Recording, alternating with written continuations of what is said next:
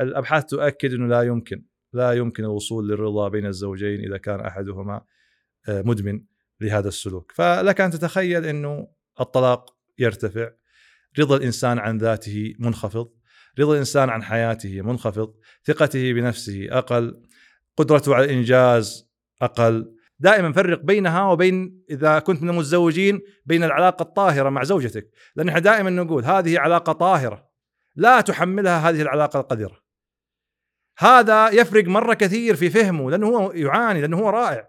فأقول إنه هذه العلاقة القذرة بكل ما تحمله الأصل أنها ما تدخل في هذه العلاقة الطاهرة. إذا أردت أن تعيش حياة زوجية مرضية ومشبعة وجميلة وسعيدة غض بصرك.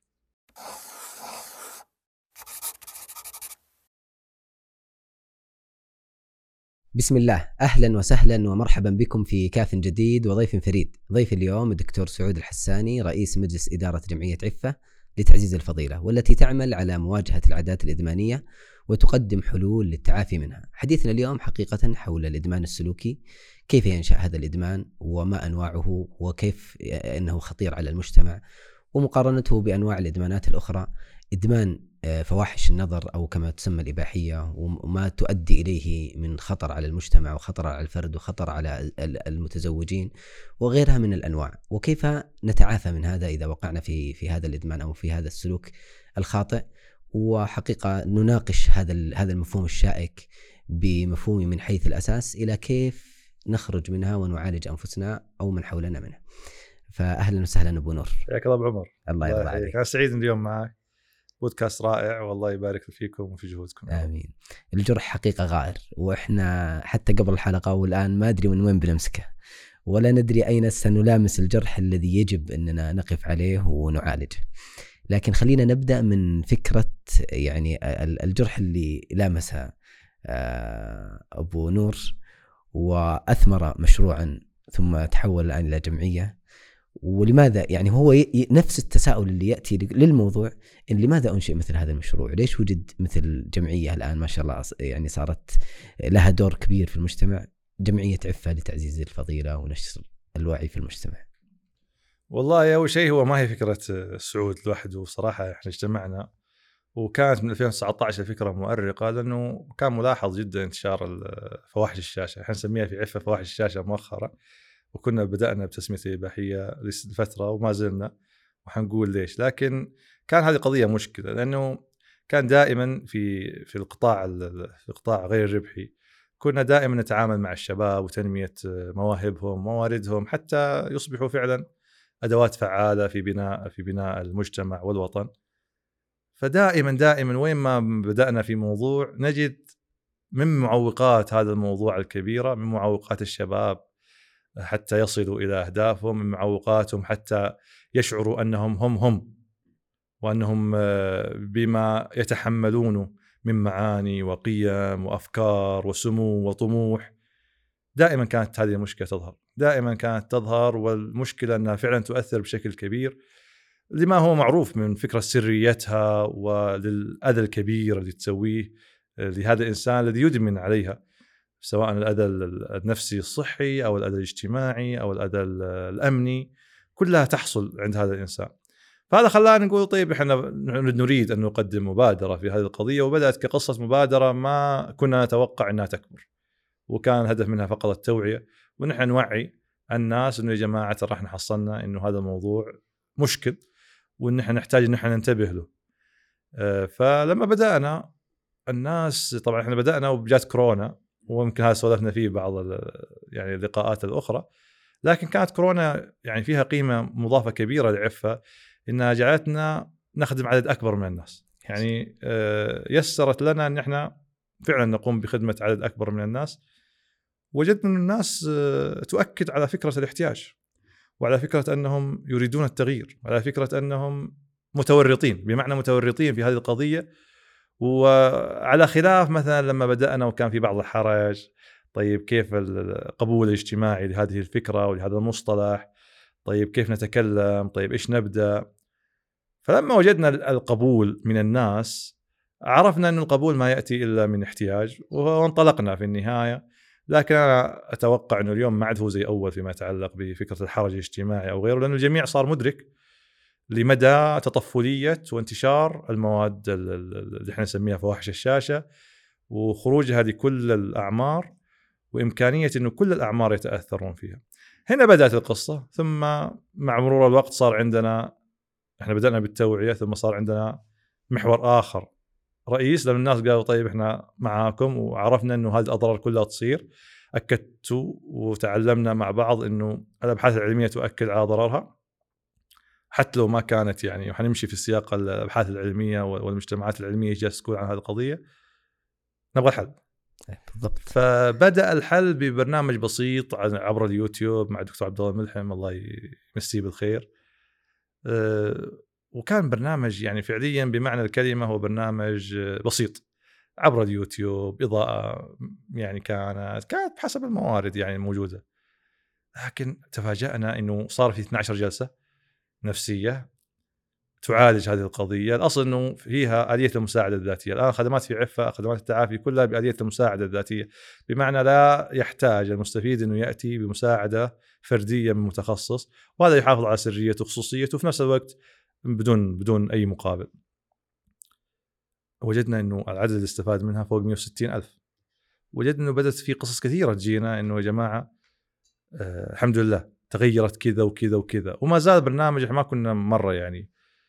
ثم تطور البرنامج أخذت تغذية راجعة وطور في نموذج جديد اسمه نموذج خطوات العشر. وصور وصار عندنا منصة صار عندنا تطبيقات لعفة. وأطلقت تقريبا في في ديسمبر الماضي.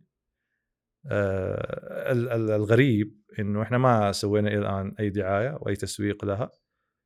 وعدد المستفيدين عندنا اليوم تجاوز 25 ألف مستفيد. هذا المستفيدين من الموقع والتطبيقات في عفة القصة أنه في احتياج صح. والاحتياج هذا من ناس رائعين. آه، ناس آه، جلسوا فترة طويلة ينتظرون ما هي الأدوات اللي تخلصهم من هذه القضية لأنه هي قضية مزعجة ومشكلة لكل إنسان يعاني منها. كل إنسان فما بالك بالإنسان المسلم كل إنسان يعني بالمناسبة إحنا كم إحنا كمجتمعات يعني عربية وإسلامية. ترى الجهات التي تقوم بمثل هذه القضية ترى مرة قليل مقارنة بالعالم الغربي، العالم الغربي اليوم رغم إنه كل هذه الصناعة تدار من خلاله إلا أنه مدرك لضررها على النسيج الاجتماعي والصحي والأمني حتى. فبدأ مبادرات مبادرات ضخمة جدا. وإحنا جالسين نحاول نحن نقدم آه، يعني نموذج مختلف على الأقل في في الجانب العلاجي. ممتاز، طيب إحنا خلينا كذا عشان لأن لأن الطرح حقيقة يعني المشاهد والمتابع الطرح في هذا الموضوع موضوع يعني اللي سميناه وش فواحش الشاشة. لأن أنا عندي مشكلة وكنت أطرحها ولا زلت أن تبسيط مفهوم هذا هذا المفهوم بأنه اسم إباحي أو عادة سرية أصبحت تسهل على الناس هذا المفهوم توقعهم في مشاكل أخلاقية كثيرة بأن المفهوم يسير. بينما إحنا في الشرع يعني حتى لما جاءت في القرآن بمسمى الزنا وهو زنا نظر. فيعني أنا أنا أتكلم عن هذا المبدأ ونبي نسولف عنه في جانب وجانب أصلا إحنا نحتاج إلى الأصل اللي موجود. يعني من وين جاء هذا الإدمان؟ من أين نشأ؟ هذا الإدمان حتى وصلنا إلى إدمان مثل هالأشياء القبيحة. يعني خلينا نقول أن فواحش الشاشة أو الفواحش هذه المتعلقة بإثارة الغرائز الجنسية كانت موجودة عبر التاريخ كانت موجودة على شكل أشكال أو مجسمات أو غيرها لكن المشكلة لما بدأ الإنترنت لما بدأ الإنترنت وحتى قبل الإنترنت كان يعني جزء يعني مقروء أو غيره أو يعني مجلات أو غيرها لكن لما بدأ الإنترنت انتقل هذه انتقلت هذه القضية إلى مستوى أعلى وممكن هو اللي ساهم أصلا في فكرة قابليتها للإدمان. لأنه الإدمان هم جالسين يعرفونه على إنه هذا الإنسان يستمر في ممارسة السلوك غير المرغوب رغم معرفته بالعواقب الضارة رغم رغبته في التوقف دون الاستطاعة. فإذا كان هذا التعريف هو هو تعريف العادات الإدمانية أو أو أو السلوكيات الإدمانية من مواد وعادات فما في أحد يعني عمل في هذا المجال وساعد المتعافين وإحنا نسميهم متعافين إلا وهو يدرك إنه ما فيهم أحد كان يرغب في إنه يستمر إلا ما كان يعرف إنه الكل كان يعني يضع العهود والعهود وبعضهم ينذر وبعضهم كل القصص حتى إنه يتخلص منه وما قدر. كلهم يعرفون إنه في ناس وفي حالات اليوم المجتمع وارتفاع نسب الطلاق ومدى تأثير قصة إدمان الاباحيه على ارتفاع نسب الطلاق، الابحاث الغربيه واضحة والقصة بالنسبة لنا واضحة وال- والفهم لماذا أيضا واضح. الأبحاث تؤكد إنه لا يمكن لا يمكن الوصول للرضا بين الزوجين إذا كان أحدهما آه، مدمن لهذا السلوك، فلك أن تتخيل إنه الطلاق يرتفع، رضا الإنسان عن ذاته منخفض، رضا الإنسان عن حياته منخفض، ثقته بنفسه أقل، قدرته على الإنجاز أقل، طبعا كثير من التحديات على الجانب المهني موجودة، على الجانب الأمني هناك عنف، هناك تحرشات، هناك هذا كلها وقودها هذه المواد، فالإنترنت جاء وفرها على على بعد على بعد ضغط الزر وعلماء الإدمان يؤكدون على هذه الفكرة. أخطر عامل من عوامل الإدمان هو توفر الماده الادمانيه. لما يكون هذا هذا التوفر موجود بمعنى إنه هذه المادة اكتسبت صفة الخطورة العالية. فالآن ال- ال- ال- المادة الإدمانية متوفرة، إيش هي العوامل الثانية اللي آه، تحدد مدى مدى آه، خطورة العادة الإدمانية؟ إحنا تكلمنا عن سهولة الوصول accessibility والقوة قوة هذه المادة وتنوعها. طيب هذه الثلاث موجودة بشكل واضح في قصة إدمان فواحش الشاشة. هي حقيقة متوفرة وسهل الوصول لها للأسف. في باحثة أمريكية يمكن هذا ذكرناه آه، في أحد المنتجات لعفة سوت كتبت كتاب اسمه كيف تحمي أطفالك من خطر الاباحيه. أثبتت بكثير من المواقف إيش هي إيش هي المنصات التي تسوق للمواد الإباحية؟ إيش هي هذه المنصات أبو عمر؟ تويتر سناب شات إنستغرام تيك توك بنترست هذه كلها المنصات اللي في يد كل الناس صح طيب فإذا كانت هذه المنصات متعمدة تنشر المواد الإباحية فلك أن تتخيل مدى إمكانية الوصول لها. إذا كانت سهله الوصول نجي نتكلم عن عن قوتها، قوتها آه، أدمغة البشر آه، مصممة على حب ال- ال- التنوع. عشان كذا إحنا اليوم ناكل كنا نسولف قبل شوية عن إيه. موضوع الشوكولاتة، إحنا ناكل اليوم هذا النوع بكرة نبغى نوع ثاني، بكرة نبغى نوع ثاني، بكرة نبغى نوع ثاني. إذا لم يكون فيه ما يهذب هذا السلوك فإنه هذا السلوك يتحول في فترة من الفترات إلى سلوك غير مسيطر عليه. وهذا هو هذه هي إشكالية العادات تحديدا العادات الادمانيه اللي إحنا ممكن نحذر منها. أنا أتفق معاك في فكرة إنه آه، المصطلحات وأثرها على فهم هذه القضية خصوصا في المعالجة لما إحنا نتكلم مع أولادنا وبناتنا ونقول لهم إباحية مع ان في اللغة بالمناسبة هي من أباح الستر وهتكه طيب. لكن لما نتكلم مع أولادنا وبناتنا ممكن هذا الموضوع هم ما فعلا. هذه التخفيف يرونه مختلف الموضوع لما نقول لهم فواحش الشاشة. فواحش الشاشة أصلا في أذهانهم الكلمة فيها فيها استقباح لهذا الفعل. معروف إنه فواحش. فاحشة مرتبطة في في في في مفردات اللغة عندنا في طريقة تفكيرنا على إنها أمر تماما آه، غير مرغوب غير غير الإباحية. إحنا بدأنا آه، في بدايات عفة صراحة وما زلنا نستخدم مصطلح المواد الإباحية لأنه أكثر اشتهارا خلينا نقول. لكن دائما صرنا في مؤخرا نقول لا يا جماعة ترى أضيفوا هذا وأنا أتفق معاك إنه الفكرة أو الكلمة مرة مؤثرة في صناعة الفكرة. يا سلام. طيب آه، إحنا أنا أبي بس ناخذ المفهوم ونبسطه. آه، المشكلة عندنا المشكلة في أنواع الإدمان السلوكي عموما سواء اللي هو منظومة متكاملة. هو أننا نحتاج أننا نهول الموضوع ولا نبسطه يعني هل إحنا نحتاج إلى أننا فعلا نبين للناس أن الموضوع خطير ويحتاج إلى أننا نسلط الضوء عليه ولا أننا لا نتعامل معه بطريقة بسيطة وسهلة ونستطيع أن ننفك منه والله هو الإدمان ما هو سهل إنك تنفك منه. الإدمان للأسف لما يصير متوفر آه، أنت لا تستطيع أن تتحكم في مدى انتشاره. وأنت شفت لما جاء فيروس كورونا مثلا فيروس وضرب وضرب الدنيا صح؟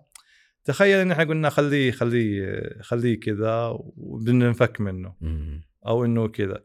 لكن في إجراءات كانت صارمة حتى على كل الناس. والحمد لله اليوم ال- الوباء في في في في انزياح يعني عنا. لكن هذا هذا فعليا هو وباء الاباحيه أنا أتكلم إدمان إدمان السلوك. طبعا عفة هي بدأت سابقا ك يعني آه، تلمس هذه القضية. والحمد لله إحنا في طريقنا ان إحنا تماما نثبت عمليات وأركان أركان العمل الرئيسية من توعية وتعافي والحمد لله عندنا اليوم نموذجين تعافي آه، مبتكرة آه، تراعي جوانب ممكن ما كانت مراعاة وممكن لو جاء وقت نسولف فيها. لكن في جوانب أخرى في أنواع إدمان أخرى سلوكية ممكن نحن يعني نلمسها لأنه إحنا آه، في كاتبة اسمها أنا ليمبكي وهي بروفيسورة وأستاذة يعني قسم الإدمان في ستانفورد. كتبت كتاب اسمه أمة الدوبامين منشور ومترجم. الفكرة فيه إنه هذا الزمن هذا الزمن هو زمن الإدمان. إن لم تكن مدمن بالنسبة لها على الأقل فأنت على قوائم المدمنين على قوائم انتظار المدمنين. ليش؟ لأنه إحنا انتقلنا من عالم الوف الندرة إلى عالم الوفرة. الناس كانت ترضى بالقليل ولأنه القليل هو المتوفر. فما في كثير من الأمور التي تحفز. إيش اللي يحصل في الدماغ أصلا؟ إيش قصة الإدمان نفسه؟ آه، في في الدماغ بكل بساطة حاجة يسمونها دائرة المكافأة. دائرة المكافأة يعني تعتمد على يعني أركان العادة. أركان العادة إيش هي؟ في محفز وفي رغبة وتوق وفي استجابة وفي مكافأة. أي عادة نبغى نتبناها أو نسويها. ترى إحنا نسويها ولما نسويها نستوعب ونعي إنه ترى في محفزات لهذا السلوك. في محفز الجوع للأكل في محفز العطش للماء. صحيح. وفي محفز الرغبة في أكل السكريات مثلا الشوكولاتة وفي غيره. هذا محفز لما إحنا جربناه في المرة الأولى صنع عندنا مثل الذائقة له مثل الرغبة له. واستجابتنا لهذا المحفز جعلت لنا مكافأة. هذه المكافأة ما هي في الدماغ؟ هذه هو دائرة المكافأة إنه تفرز مجموعة من النواقل العصبية في هذه التجربة يشعر الإنسان معها بالمتعة طيب؟ ويخف الألم في ذيك اللحظة. هذا باختصار اللي يحصل في العادات الطبيعية لكن إحنا محتاجين هذه دائرة المكافأة حتى كل يوم نصحى. من من من من أسرتنا ونطلع ونتوضا ونصلي ونروح أعمالنا ونخلص شغلنا، نحتاج هذه الكمية المتوازنة من النواقل العصبيه حتى نكرر عاداتنا وبالتالي نتعلم، الإنسان نخبر كلنا فكرة الطفل لما يبدأ وهو يحبي ثم لين يطيح ويقوم يطيح ويقوم لما يمشي ولما يربط أول مرة آه هذا مثال منتشر آه، أعزكم الله الحذاء وكيف إنه يعاني بعدين يصير عملية سهلة بالنسبة له. الدماغ بهذه الطريقة يعمل، يتعلم وينمو، يتعلم وينمو. فبمجرد إنه يحفظ العادة بهذه الطريقة خلاص يخزنها ويقول يلا بسم الله العادة اللي بعدها وتستمر العملية. هذه في العادة الطبيعيه المشكلة الإدمان إنه سلوكيات يسمونها محفزات فوق العادة. آه. محفزات فوق العادة. بمعنى لما الإنسان مثلا يقع في إدمان المواد الإباحية أو إدمان المواد سواء كوكايين ودحين الحمد لله في حملة يعني مشكورة من الدولة على مادة الشبو وغيرها وقديش إنها جالسة تؤثر في العقول. لما الانسان يعيش هذه التجربة فالكمية التي تفرز من النواقل العصبية في هذه التجربة غير طبيعية. لا يمكن حقيقة إنك توجد مثلها في الحقيقة في العلاقة الطبيعية لا يمكن أن تفرز هذه المواد. الدماغ لما تفرز فيه هذه القضية هو في عنده خط قاعدي للدوبامين مثلا طيب؟ وفي حد أعلى المفروض يصل له. هذه التجربة تجاوزت الحد الأعلى. تجاوزت الحد الأعلى صارت أعلى بكثير. في محاولة التوازن هو يقلل يحاول ينكمش على نفسه الدماغ يحاول يرتب الوضع فيحصل الألم المباشر بعد هذه التجربة. فهو يفكر إنه هو يحتاج المزيد فيكمل. فيصير دائما العلاقة وفي معلومة معلومة ظريفة إنه الألم واللذة في الدماغ يتعامل معها في منطقة واحدة. فكأنه هو توازن. أنت بمجرد إنك أنت تضخ متع ترى الألم حيزيد. ليش؟ لأنه هذا التوازن لازم يصير. لأنه هو يبغى يرجع لخط الأساس. الدماغ يبغى يرجعك لخط الأساس فيما يتعلق بالنواقل العصبية. عشان كذا اللي يدخلون في العادات الإدمانية لا يرضون. لا يرضى. يعني فكرة إنك أستاذ سليمان الناصر إحنا نمسي عليه بالخير برضه إيه. استضفناه مرة في في عفة. وقال لي هذا السبب الراسماليه استثمرت في الرغبة لأن الرغبة لا تنتهي. الرغبة تصنع كل يوم تصنع رغبة جديدة ورغبة جديدة. يظن إنه إذا حقق الرغبة إنه يرضى لكنه ما يرضى لهذا السبب لأنه خط الأساس اللي كان يرضيه ويسعده لم يعد خط أساس ارتفع بارتفاع الحد الأعلى. وهكذا حتى يصل الإنسان لوضع لا سيطرة. فيبدأ يجمع أكثر من العادات الإدمانية حتى إنه يصل لمرحلة فعلا إنه يخسر كثير من الأمور في حياته سواء على المستوى الاجتماعي أو الديني أو أو أو غيرها هو أنا متوقع إننا يعني بنحاول إن نسيطر على جزء من الجرح اللي موجود بس خلينا نطرح بعض يعني بعض الألم اللي يراه الناس ولا بد إنهم يتوعون فيه وأيضا كيف إن نستطيع إن نواجه. أنا بمسك بس طرفين إحنا تكلمنا عنهم، الطرف الأول عن المواد الإدمانية، ذكرنا الكوكايين والحبوب المخدرة وذكرنا الشيء السلوكي. يعني هي نوعين من أنواع الإدمان. هل الخطر بينهم متوازي ولا في شيء أخطر من الآخر؟ هم الإدمان يعمل بنفس الطريقة في الدماغ لكن بقوة مختلفة. فلا ما هو نفس الأثر لكن طريقة عملها في الدماغ هي متعلقة بهذه الفكرة فكرة نظام المكافأة وفكرة مدى ارتفاع هذه النواقل العصبية. فادمان المواد مثلا آه، ممكن يكون أعلى طبعا من إدمان السلوك. وهذا يعتمد بحسب إيش إيش تجربة هذا الإدمان بالنسبة للإنسان. لأنه آه، مثلا أنا لمبكي في كتابها وفي غير كتابها وغيرها حقيقة من الناس اللي تكلموا في عالم الإدمان تكلموا عن فكرة أنه الناس أصبحت اليوم تدمج بين أنواع مختلفة من المواد أو من السلوكيات الإدمانية. لأنه نفس الطريقة هم تط... يعني صار في تطرف وصارت القصة السابقة ما تكفي فنحتاج فإدمان إباحية مع إدمان انترنت مثلا. تحصل القمار مثلا وهذا معترف فيه في, في, في الدليل التشخيصي منظمة الصحة النفسية الأمريكية معترف في الإدمان في إدمان القمار مثلا مثلا كإدمان سلوكي. هذا الإدمان طيب الآن إيش سوت الشركات؟ جابته وحطته في الجوال. فصارت في ألعاب هي حقيقة عبارة عن عن قمار عن مراهنات وفكرة آه يعني عمل عمل قمار. وفي نفس الوقت ابقته في الإنترنت اللي هو أصلا إدمان. إدمان مواقع التواصل إدمان الألعاب. إدمان فجاب فالإنسان عادة هو ما يكون يعني عنده هذه القضية الإدمانية ممكن يكون عنده أكثر من إدمان.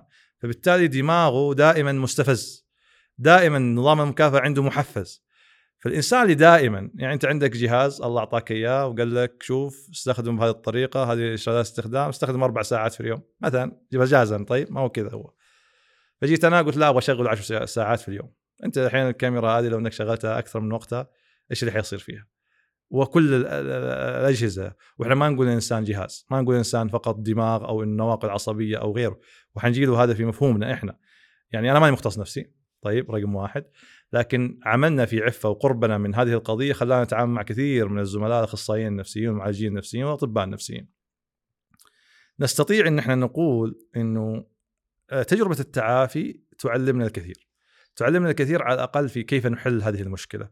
ممكن هذا نجيله يعني لكن باختصار الجواب لسؤالك إنه القضايا الإدمان تعتمد على مدى تنوعها مدى قوتها ومدى سهولة الوصول له لما تتحقق هذه العوامل فهي خطيرة. إدمان المواد طبعا في درجات وفي كميات لأنه بحسب الكميات وهذه اللي إحنا قلناها.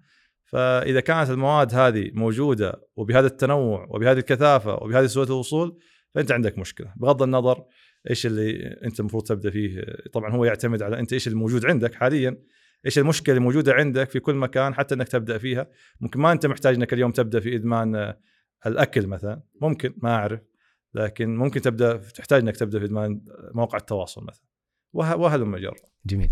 الجانب الثاني فكرة الدوبامين. يعني الصراحة يعني الآن أنا في الشعور الداخلي إن تصوير العالم الغربي تصوير الآن اللي, اللي يتكلمون عن الدوبامين أنه هو الذي يتح... يتحكم بكل شيء موجود في حياتك ولا تستطيع إنك يعني تتحكم في حياتك إلا عن طريقه.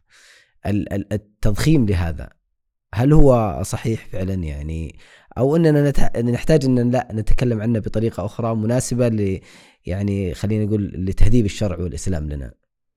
والله شوف أنا ما أقدر آخذ لا الطرف هذا ولا الطرف هذا. أنا أقول الدوبامين يعني واحد من أهم الاكتشافات اللي صارت في علم المخ والأعصاب آه، هو صار يفسر كثير من من الشغلات. هو ليس فقط قضيته في بناء العادات وله مهام ثانية حتى في الحركة وغيرها لكن الدوبامين هو ناقل عصبي. ناقل عصبي آه، وجدوا إنه آه، مسؤول عن التحفيز بشكل أساسي للقيام. هو لا يقوم بذاته لوحده بالمتعة لكن هو اللي يحفز الناس على تكرارية الأعمال. تذكر ترى أركان بناء العادة أو تكرارية العادة مرة مهمة.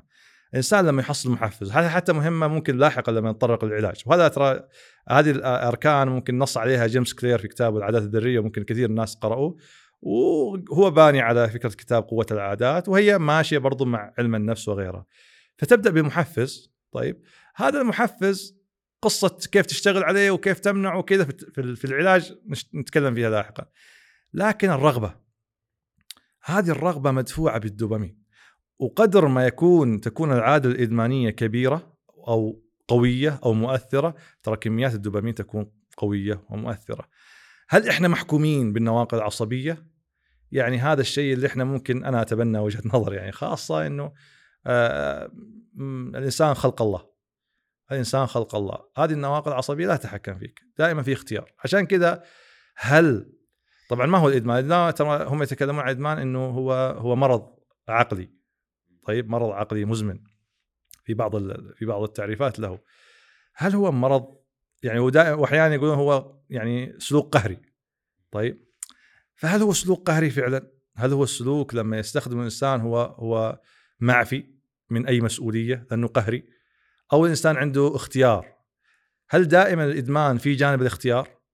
إنه الإنسان يختار إنه يمارس هذا السلوك أو يتعاطى هذه المادة؟ إذا كان الاختيار موجود وهذا السؤال أطرحه على المختصين. إذا كان أتكلم عن مختصين المعالجين النفسيين إذا كان فيه جزئية الاختيار فإلى أي مدى هذه القضية القضية الإدمانية هي قضية فعلا محكومة محتومة علينا إن إحنا لما نعتنقها أو نمارسها فإن إحنا معفيين من كل حاجة. يعني أتوقع النواقل العصبيه أنا بالنسبة لي إنها هي ما تتحكم في الإنسان لكن هو يختار إنه يخالف الكتالوج.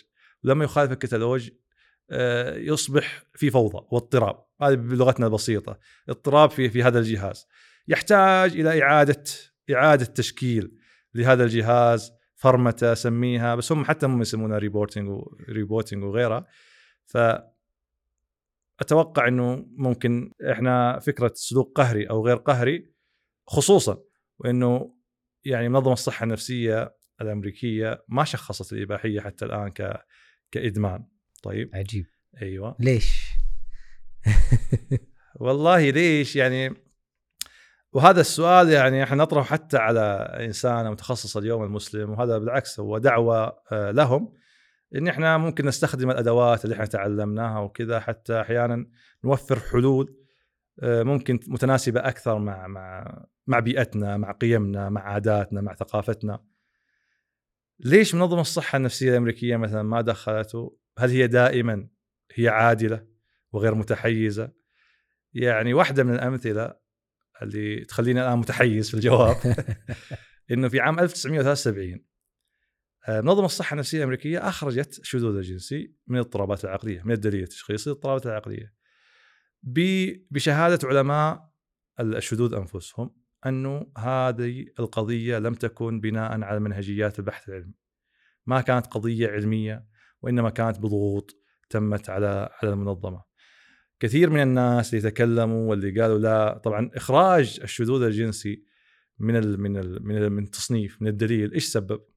سبب تعطيل حقيقة لكل الأبحاث العلمية اللي ممكن تساعد الناس اللي يشعرون بهذا الشعور اللي يريدون تغيير تغيير هذا هذا الميل غير المرغوب أنا الآن أعرف إنه هذا الكلام شوية شائك لكن أنا أقول إنه في كثير من الرائعين اللي ممكن وجدوا إنه فيه فيه ميل غير مرغوب بالنسبة لهم غير فطري يرونه أنه خطأ يريدون تعديله كثير من من المعالجين النفسيين اليوم لأنه تم إزالته من الدليل التشخيصي ما في خط واضح للعلاج لما أقول ما في خط واضح للعلاج معناته هذا الموضوع مؤثر حتى كيف نتعامل مع المرضى يعني اللي يجونا مثلا في عياداتنا الآن في أي مكان في العالم الإسلامي المختص النفسي إيش يقول هذا المريض؟ كيف يعالجه؟ يعالجه بخطوات الخطوات النفسية يعني. ما عنده ما عنده علاج واضح لل إيوه. وما نبغى ما نبغى نقول يعني إنه في فكرة مستبعدة جدا إنه ممكن يقول له ترى هذا أنت وأنا راح أساعدك على إنك وترى هذا كل القصة في قضية إنه المجتمع ما هو راضي يتقبلك أنا راح أعطيك الأدوات اللازمة حتى تتعامل مع هذا المجتمع العنيف ضدك.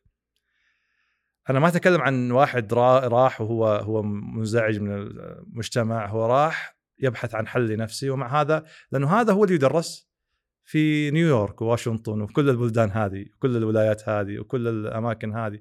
طيب هل إحنا عندنا ممكن نتعامل مع هذه القضية؟ خصوصا إن في ناس كثير رائعين يرغبون في التغيير يريدون أن يصلون إلى حل يعانون بشكل يومي. طيب وما هم واجدين ما, ما لم يجدوا أي حل. طبعا طبعا دخلنا في هذه القضية يعني. آه واحد اسمه سايمون ليفاي في 1991 طيب. سوى بحث وهذا البحث هو أخذ آه جثث ل 35 تقريبا آه شخص آه عنده شذوذ جنسي. وجد إنه في منطقة في الدماغ متشابهة بدأ سوى عليها دراسات طلع نتائج. الإعلام التقط جزئية وحرفها وخرج وقال إحنا هذا الباحث هذا الدكتور وجد جين يدل على إنه قضية الشذوذ قضية هي تأتي بالجين وموجودة. طيب هذا الباحث نفسه قال هذا طبعا خلينا نقول إيش قال بعدين أقول لك إيش إيه، القصة. قال إنه هذه الأفكار أنا لم اقولها هذا هذا التصريح أنا لم اقوله وإنه هو تم اجتزاء الكلام وكذا مع فكرة إنه هو ما كان معارض لفكرة إنه الإعلام أخذ هذه الرسالة حتى يوصل فكرة عنده. ليش؟ لأنه هو نفسه هو شاذ هو عنده هذا هذا الباحث نفسه. طيب ما حد درس إيش قصة الباحث؟ هل في تعارض مصالح؟ ما في تعارض مصالح. كل ال 35 جثة كانوا يعانون من الايدز وما حد جالس يقول إحنا كل كل أتوقع كثير من الناس يعرفون إنه الادمغه البشرية تتشكل بحسب العادات. طيب تتشكل وفي مرونة العصبية وكذا. فهل هذه هذه التغيرات صارت بعد أو قبل إنهم يمارسون هذه الأفعال؟ هل الايث له دور ولا ما له دور؟ كثير من يعني الطروحات العلمية مو إني طرحتها، العلماء نفسهم طرحوها عليهم. جاء واحد بعده بسنتين والله نسيت اسمه دحين ماير حاجة و وقال شفتوا ذاك اللي قال ترى في جيل ترى أنا اكتشفت الجيل وهذا نفس طلع برضو عنده مشكلة شذوذ فالقضية إنه أحيانا إحنا نحتاج إن إحنا نوفر حلول للناس اللي ترغب في الحل يعني حتى لو إنه يعني زي كذا اليوم العلماء النفسيين. يعني قليل منهم ترى اللي جالس يرفض فكرة إنه الإباحية إدمان مؤذي جدا مؤذي جدا فعليا مؤذي جدا لأنه لما فهمنا إحنا قصة الإدمان وكيف النواقل العصبيه وإنك أي سلوك تمارسه خارج يسمونه آه، محفز غير طبيعي قلنا وكميات كبيرة. لما إنسان يبدأ في هذه المراحل ويبدأ الخط الأساس عنده يرتفع وبالتالي الألم يزيد. هو يظن إنه جالس يحصل متعة أكثر لكن الألم برضه جالس يزيد بالتوازن. إذا كان هذا يحصل فإيش اللي حيخفف ألمه؟ ترى مو الإدمان السابق ترى الإدمان اللاحق. فحيخلص من إدمان ويدخل في إدمان يخلص من إدمان يدخل في إدمان يدخل في اكتئاب يدخل في قلق ويكتفي يدخل في قصص كثيرة. طيب ليش ما نبدأ إحنا فعلا في توفير حل؟ متناسب حل آه، يعني يساعد الناس إنهم ما يصلون إلى إلى هذا المستوى. يعني إن شاء الله إن يصير في حراك على الأقل في المجتمع العلمي النفسي آه، حتى إن إحنا فعلا نحسن جودة حياة الناس اللي إحنا نحبهم. يعني الناس اللي آه، اليوم إحنا كمجتمعات إحنا أغلبنا من الشباب طيب؟ والمعول علينا مرة كثير. والعادات الإدمانية هي تضر بأي بأي مجتمع. فإذا انتشرت العادات الإدمانية فبالتأكيد إن إحنا حيزداد عندنا احتياج للمصحات آه، النفسية والعيادات النفسية وللعلاج وإحنا حقيقة المراد إن إحنا نكون أكثر صحة حتى إن إحنا نعطي أكثر آه، في هذه الدنيا. أنا عندي تساؤل حقيقة وهو واحد من الأشياء اللي كنا نسولف حتى عنها قبل الحلقة إن لماذا إحنا أصلا نتكلم عن هذا الموضوع ونلامسه ونشرح فيه ونخصص له أوقات وجمعيات وجهات؟ ولماذا مع كل هذا يعني هذه الجهود اللي موجودة يتزايد عدد المدمنين وعدد المقبلين على هذه المواد الفاضحة السيئة؟ يعني أحيانا أصل إلى مرحلة أقول في يأس حاصل إننا لا نستطيع أن نواجه هذا الكم الهائل من الحرب اللي قاعدة تحصل للمجتمع. ف يعني هو تساؤل حقيقه وجرح. لماذا؟ أكثر يعني خليني أقول لك إنه اثنين من أكثر الأمور اللي فيها تحدي موضوع إدمان الأكل وإدمان الجنس عموما واللي من ضمنه يندرج تحته إدمان الاباحيه لوجود الغرائز الطبيعية عند البشر في الأكل وفي في الزواج مثلا.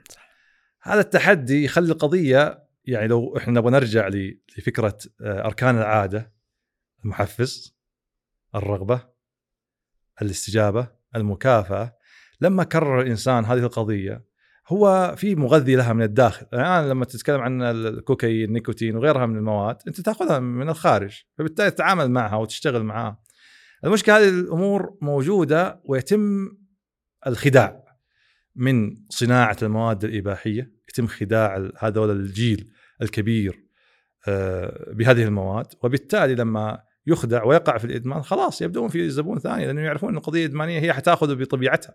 ومراحل يعني فيكتور كلاين مثلا تكلمنا عن هذه مراحل التصعيد في العادة الإدمانية يبدأ بالإدمان ثم التصعيد ثم تبلد فقدان الحساسية ثم نزع التطبيق. يعني هذا يمشي فيها هو خلاص هم بس مسكوا الطريق ويقول خلاص أنت حتكمل لأنه أنت إدمان من مقطع إلى مقطع لأنه هم متأكدين إنهم وفروا الشغلات الأساسية في الإدمان وفروا سهولة الوصول وفروا القوه لهذا المنتج بالتنوع الكبير لأنه هذه مرتبطة الاثنين الأخيرة مرتبطة مع بعض. تنوع وتوفر وقوة ووفروا أيضا ساهموا في موضوع مواقع التواصل الاجتماعي الإنترنت الألعاب. فالدماغ هم متأكدين إن دماغ هذا الإنسان دماغ المدمن حيبقى دماغ مدمن يروحون للضحية التالية. هذه الأسباب تخلي إنه تحدي في إدمان الاباحيه أكبر. سؤالك هل إحنا يأسنا؟ هل المفروض نيأس هل المفروض نحن ما نقدم التوعية؟ المعلومة عام واضحة.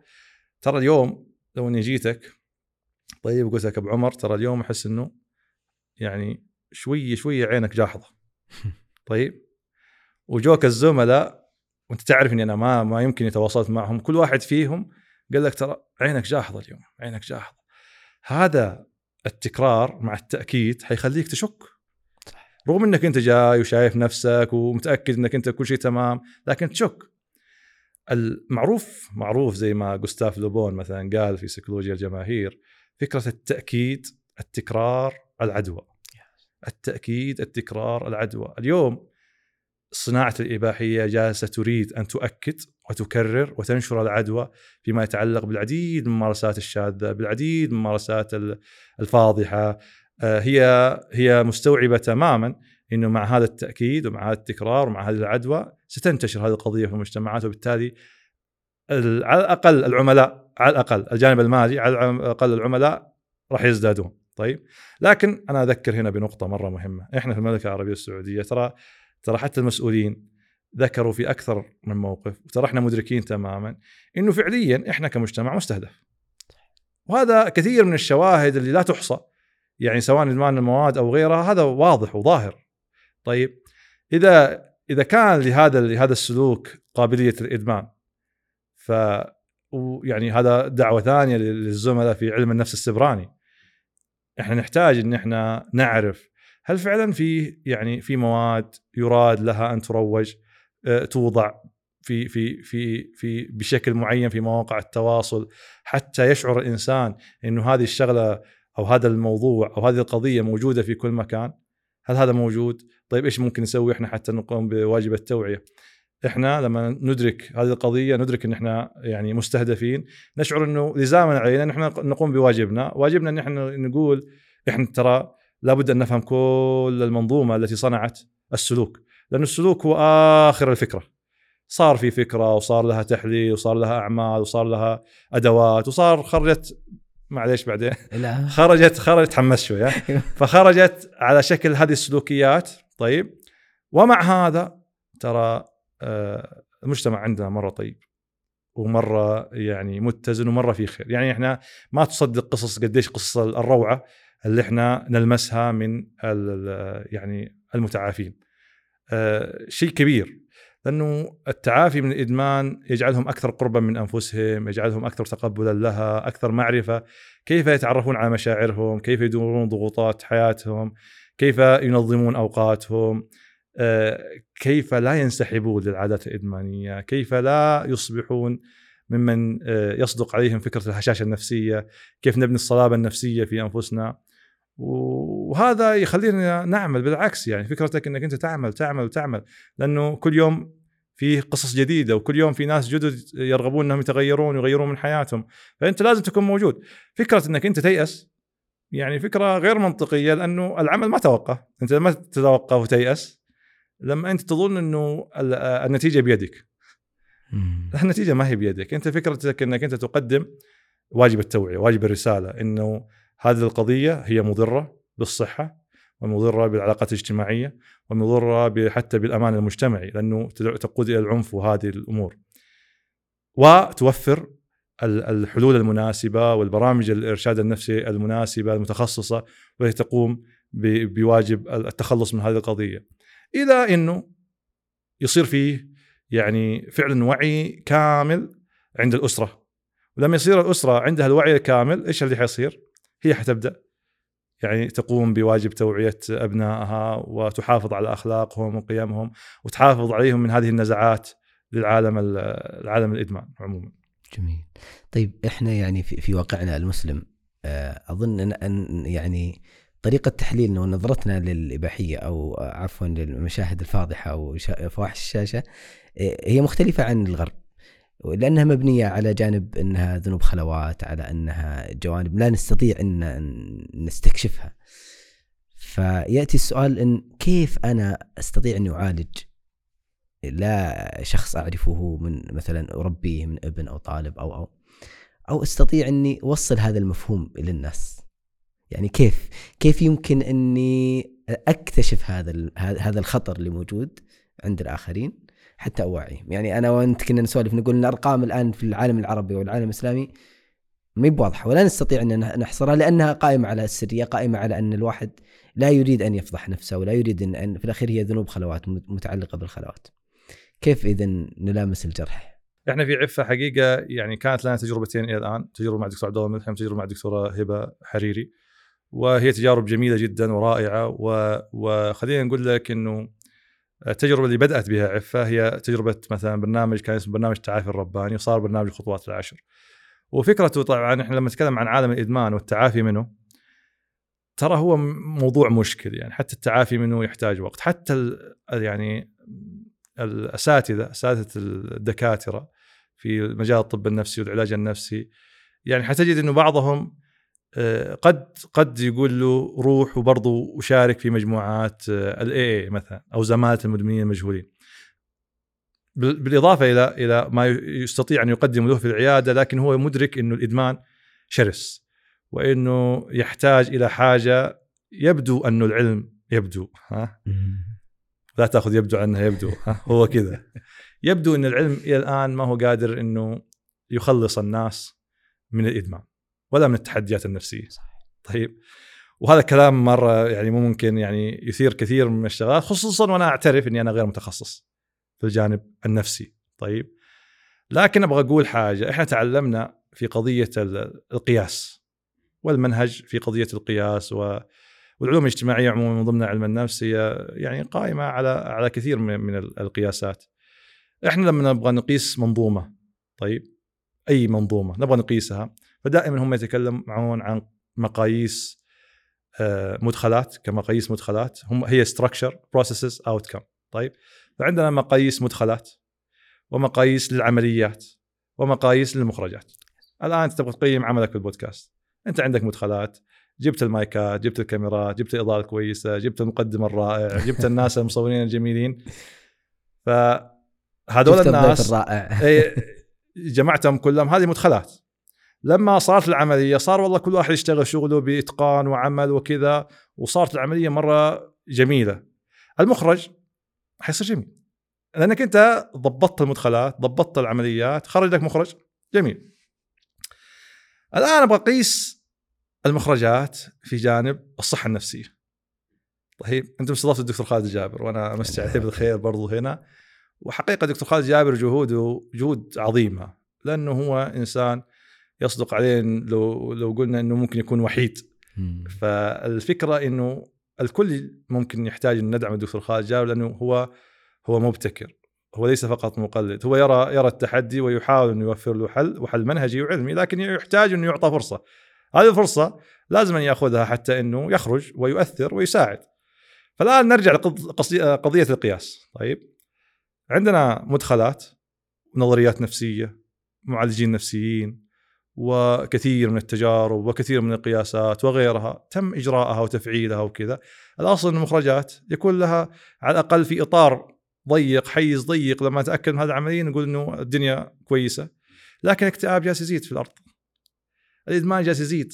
الصحة النفسية ما هي جالسه تتحسن. الرضا أقل. أنا ما متخصص. لكن أي أحد يبغى يبغى يحكم يبغى يقول والله في في مشكلة في مشكلة.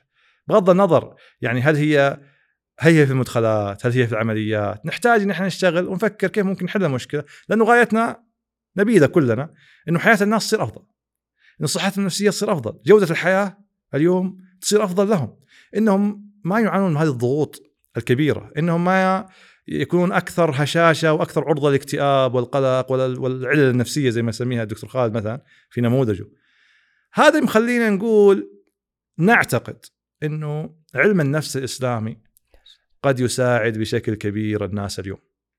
والقيم الموجودة فيه المتعلقه بالصبر. يا أخي لما علم النفس الغربي يقوم على فكرة آه، يعني هم يتكلمون صراحة وأنا سمعت من أكثر من بروفيسور إنه الإنسان wired to seek pleasure and to avoid pain هو إحنا كأن إحنا مخلوقين مصممين حتى نبحث نبحث عن المتعة ونهرب من الألم. طيب وتجي أنت في نص ما تخطئ عينك ويقول الله عز وجل ولقد خلقنا الإنسان في كبد. في كبد. إنك كادح إلى ربك كدحا. فملاقيه. وتدخل في حسب الناس أن يتركوا أن يقولوا آمنا وهم لا لنبلونكم شيء من الخوف والجوع ونقص من الأموال والأنفس والثمرات. فقصة الابتلاء حاضرة في التجربة. فدائما كنا نقول إنه برضو ترى الألم جزء من التجربة. الألم جزء من تجربتك في هذه الدنيا. إحنا مؤمنين بهذه القضية. لما أنا أدخل بذهنية أنه الألم ممكن والألم واقع والألم أنا أحتاج إني أصبر فيه غير لما أنا أكون يعني متوقع إنه الدنيا ما فيها الام وإنه الدنيا مليانة بالسعادة والمتع وانه يجب إني أحصل عليها. هذه الذهنية الأولى تخليني لما يحصل لي الابتلاء أصبر. الذهنية الثانية تخليني لما أنا والله بس مجرد إنه العامل الاقتصادي مثلا نزل عندي. أو العامل الاجتماعي. حسيت إني أنا ماني مرغوب كفاية وإني ماني محبوب كفاية. أو العالم المهني إني والله أنا أسيء لي في العمل أو غيره. يجعل الناس ممكن يدخلون في اكتئاب وغيره. الفرق بين النموذجين مرة قوي في الصحه في الصحة النفسية في مواجهة هذه الظروف اليومية اللي كلنا نعيشها. أنت لما إحنا ندرب أولادنا وبناتنا على إنه ترى أنت مقبل على حياة فيها تعب لكن ترى آخرها ترى فيه فيه فيه سعادة. أنت دائما اعرف إنه في الطريق ترى الله معاك. غير لما يجي المختص النفسي يقول لا تقلق أنا معك وسنأخذ الموضوع خطوة بخطوة. لابد إنه ليش؟ عشان كذا أقول لك ليش اليوم يعني أساتذة الدكاترة مشهورين على مستوى العالم في العالم الإدمان وهم مؤمنين بفكرة ال AA في عالم الإدمان. يقول لك روح احضر في ال AA يقوم على إيش ال AA زمالة المدمنين الموجودين تقوم على ماذا؟ تقوم على ماذا؟ مجربين سابقين. تقوم على 12 خطوة مأخوذة من تعاليم الكنيسة. مأخوذة من تعاليم ما في أحد أصلا يجادل في القضية هذه. فهو يسمونها spiritual فقضية إنه هذا الجانب الروحي شغال. ما نعرف كيف. وهو حتى نفسهم. طبعا هو كجانب علمي ممكن يرفضونه. لكن يقول لك البيانات صلبة في هذا المجال. البيانات صلبة. الناس في فائدة. من هذه المجموعات. يعني تخيل إنه وهذا موجود في اللي يتابع حلقاتهم كذا ناس ملحدين ملحدين. يعني ما هم نصارى ولا غيرهم ولا يروحون ولا أي حاجة. يقول لما وصل إلى مرحلة إنه خلاص ويشعر إنه وصل إلى ما تحت مستوى الحضيض يروح يقول خليني اجرب طيب أنت يعني القوة العليا أنا ما أول حاجة خطوة عندهم إنه أنا ما ما في عندي قوة ولا كل القوة ولا القوة العظمى. أي. إيوه. الله عز وجل عندنا. إحنا بس إحنا الحين لازم نجي ونقول ترى إحنا عندنا ولازم إحنا بس إحنا بعضهم يغيرون عندنا. بس الخطوات ال 12 موجودة. تطبق في كل البرامج اللي هو يسمونها برامج مجموعات الدعم أو غيرها. طيب لما إحنا شفنا هذا النموذج هو نموذج يعني البيانات تؤكد على صلابته. طيب بغض النظر إيش يقول ال- ال- المجتمع العلمي في طريقة بنائه وتشكيله وغيرها. لأنه دائما الجانب الروحي ما يدخل في العلم طبعا. هذا معروف الفكرة هذه معروفة. بس إحنا عندنا ما يعني ما إحنا ما جينا حتى إن إحنا نخرج من العلم إحنا موجودين. إحنا في مسجد ومدرسة صح؟ صح. في مسجد والمسجد مس- نفسه كان يستخدم مدرسة. بعكس الكنيسة. الكنيسة ما تستخدم الكنيسة دائما أبراجها كبيرة وكذا فهي دائما رهبانية ودخول وكذا وعالم خلاص ذاتك واشتغل كذا. هذا مسجد ومدرسة. تعلم أول كلمة أنزلت اقرأ. فكرة إنه لا أنت مو مو كذا وهذا الأصل يعني ال- ال- الخمر لما حرمت والميسر طيب الميسر من نظر الصحه يعني النفسية الأمريكية هي حاطه في ال- في الأمور ال- اللي هو القمار وكذا طيب لما تجي القاعدة مثلا عندنا نقول والله ما أسكر ما أسكر كثيره فقليله حرام. ليش؟ ليش؟ أنا ما أبغى ودائما إحنا يعني للأسف إحنا في الإطار في النموذج في نموذج التفكير الغربي طيب؟ إحنا ما نستطيع نفكر فأوه والله عرفنا اليوم بحث علمي في أمريكا وصلوا إلى هذه القضية. فنجي نقول إيش القرآن موجود؟ إيش القرآن الموجود يتناسب؟ ما هو كذا. القرآن أوسع. ال- ال- ال- التراث اللي عندنا أوسع. خلينا نشوف يا أخي كيف بنيت العادات في في في, في هذه القصص؟ كيف بنيت العادات؟ خلينا نحن نحط منهج جيمس كلير يجي يقول والله يا جماعة ترى في محفز وترى فيه آه، رغبة وترى فيه استجابة وترى فيه مكافأة. وكلام جميل بالناس أنا مرة مرتاح يعني. النموذج أنا النموذج المنهجي أحبه. واضح الفكرة. طيب إيش عندنا إحنا زيادة؟ يعني كثير من الشغلات فلما يجي يقول لك يعني ما اسكر كثيره فقليله حرام. ويجي أحد مثلا يقول لك والله شوف خفف. خفف من هذا السلوك. رغم إنه يعرف إنه سلوك إدماني مثلا أو إنه المواد إدمان. ما. أوكي هو منهج وكذا لكن أنت تستمر في تحفيز نظام المكافأة في الدماغ. نظام المكافأة في يوم من الأيام أنت لا تستطيع أن تسيطر على هذا الإنسان طول الوقت وأنك أنت تبقى معاه وتدعمه وتقدم الدعم اللازم والأدوات اللازمة النفسية. فهو يقول لك لا رجس من عمل الشيطان فاجتنبوه لعلكم تفلحون. والفكرة بعضهم يأخذها في السياق الديني. طيب إيش إيش السياق الاجتماعي فيها؟ هدم الأسر وهدم العلاقات وغيرها. إيش السياق الصحي فيها؟ اليوم جالس يثبت في كل ما يتعلق بالصحة. إيش السياق المتعلق بالأمن المجتمعي والأمن الاجتماعي؟ كثير من القصص. فهو ما جاء حتى يعطيك بعد ديني. هو ما إحنا مو كذا دين وعلم هي كلها كذا هي هي الخلطة. فعشان كذا إحنا نؤمن أو على الأقل أنا أؤمن حتى ما أحمل أي أحد معايا في هذا في هذه الكلمة إنه علم النفس الإسلامي هو الحل. لما الغرب قالوا روحوا الاي اي روحوا زمالة المدمنين المجهولين إحنا عندنا قيم نفسية إسلامية تساعد الناس أنهم يكونون أكثر صلابة تساعد الناس على أنهم يزكون أنفسهم. مفهوم التزكية. مثلا لما جينا نبغى نتكلم في وقاية كيف نقي أولادنا وبناتنا كيف كذا. مفهوم التزكية مفهوم فكرة إنه فهمهم لعملية هذه عمليه التنمية والتنقيه المستمرة لا لهذه التحديات اللي يواجهونها بشكل يومي. هذا ترى يعني فكر فكر مرة كبير إنه كيف الإنسان نفسه يتعامل مع هذه الأخطاء. صناعة المسؤولية الذاتية يعني صناعة المرونة النفسية. ترى هذه آخر حاجة يقول لك إياها الغربي في تربية اولادك إنك أنت تبني عندهم مرونة ذاتية ونفسية وإنك أنت تثقفهم جنسيا وإنك أنت تكون معاهم وإنك لما تخطي كيف تكمل معاهم. وماذا بعد؟ وماذا بعد؟ أين الله في الطريق؟ أين الشيطان في الطريق؟ لأنه إحنا إذا ما فهمنا هذه العلاقة إحنا مؤمنين فيها. لكن لما يعني ك... لما نيجي نتكلم في المنهج العلمي ولما كل ما انغمسنا فيه تلقائيا تعلمنا أن نفصل بين هذا وهذا وكأنه هذا ما له علاقة وكأنه هذا ما له علاقة وكأنها فقط قضية نواقل عصبية تطلع وتنزل وإحنا يجب أن إحنا نتعامل معها بهذه الطريقة. فأنا أقول إنه ممكن هذا الحل على الأقل بالنسبة لي أتوقع إنه تحتاج يعني تجارب مثل تجربة الدكتور خالد في النظرية الاسلام موسوعه العلاج النفسي الشاملة وغيرها أتوقع إنه حيكون لها أثر مرة كبير يساعد الناس في إنه فعلا فعلا صحتهم النفسية تصير أفضل. هو أنا طرحت السؤال أساسا آه، لأجل ان نصل لهذا ان طيب هل عندنا مشروع إسلامي للتعامل مع إدمان الاباحيه؟ يعني يعني الآن كل اللي نأخذه نأخذ الطريقة الغربية ننزلها بطريقة مناسبة لنا ونأخذها. يعني هل يعني مثلا لما نرجع للدوافع دوافع ال- ال- الوقوع في مثل هالمشاهد آه، الاكتئاب، القلق ال- اللي يسمونها هذه، لو رجعنا طيب بطريقة إسلامية كيف إننا نفهمها؟ وكيف إننا نعالجها؟ كيف إننا نعزز جانب الإيمان بالغيب وعشان نستطيع إن نعالج هذا الموضوع؟ هل في مشروع نستطيع أو يعني هل يمكن أن يعالج الإدمان إدمان هذه المشاهد بهال بهالمشروع الإسلامي؟ آه خليني أقول لك إنه الخطوات العشر طبعا هي مبنية على هذه الفكرة هي حقيقة هي جمعت بين عدة نماذج علاجية دكتور عبد الله الملحم هو استشاري طب نفسي ومن 20 سنة وفي ال CBT تحديدا طيب المنهج اللي تم تجربته في عفة وحقيقة إحنا ما ما نتكلم كذا في آلاف اليوم يتابعوني دحين ممكن ويعرفون إنه عفة وهذا البرنامج ساهمت بشكل أو بآخر في إنه حياتهم تصير أفضل. طيب وهذا فضل الله وحده ما هو الفضل لنا, لنا وحدنا بس أنا بقول لك ابدا قصدي لكن بقول لك إنه الخطوات العشر هي تجمع العلاج السلوكي المعرفي وتجمع العلاج الروحي أو الديني وتجمع فكرة الدعم اجتماعات الدعم ولها منهجية مختلفة. طيب القيم الموجودة والخطوات الموجودة ترى اول خطوه هي خطوة الإقرار مثلا. حتى يخرجون الناس معروف إنه أكبر عدد ممكن مو أكبر عدد لكن عدد كبير من الناس اللي عندهم عادات إدمانية هم في مرحلة الإنكار.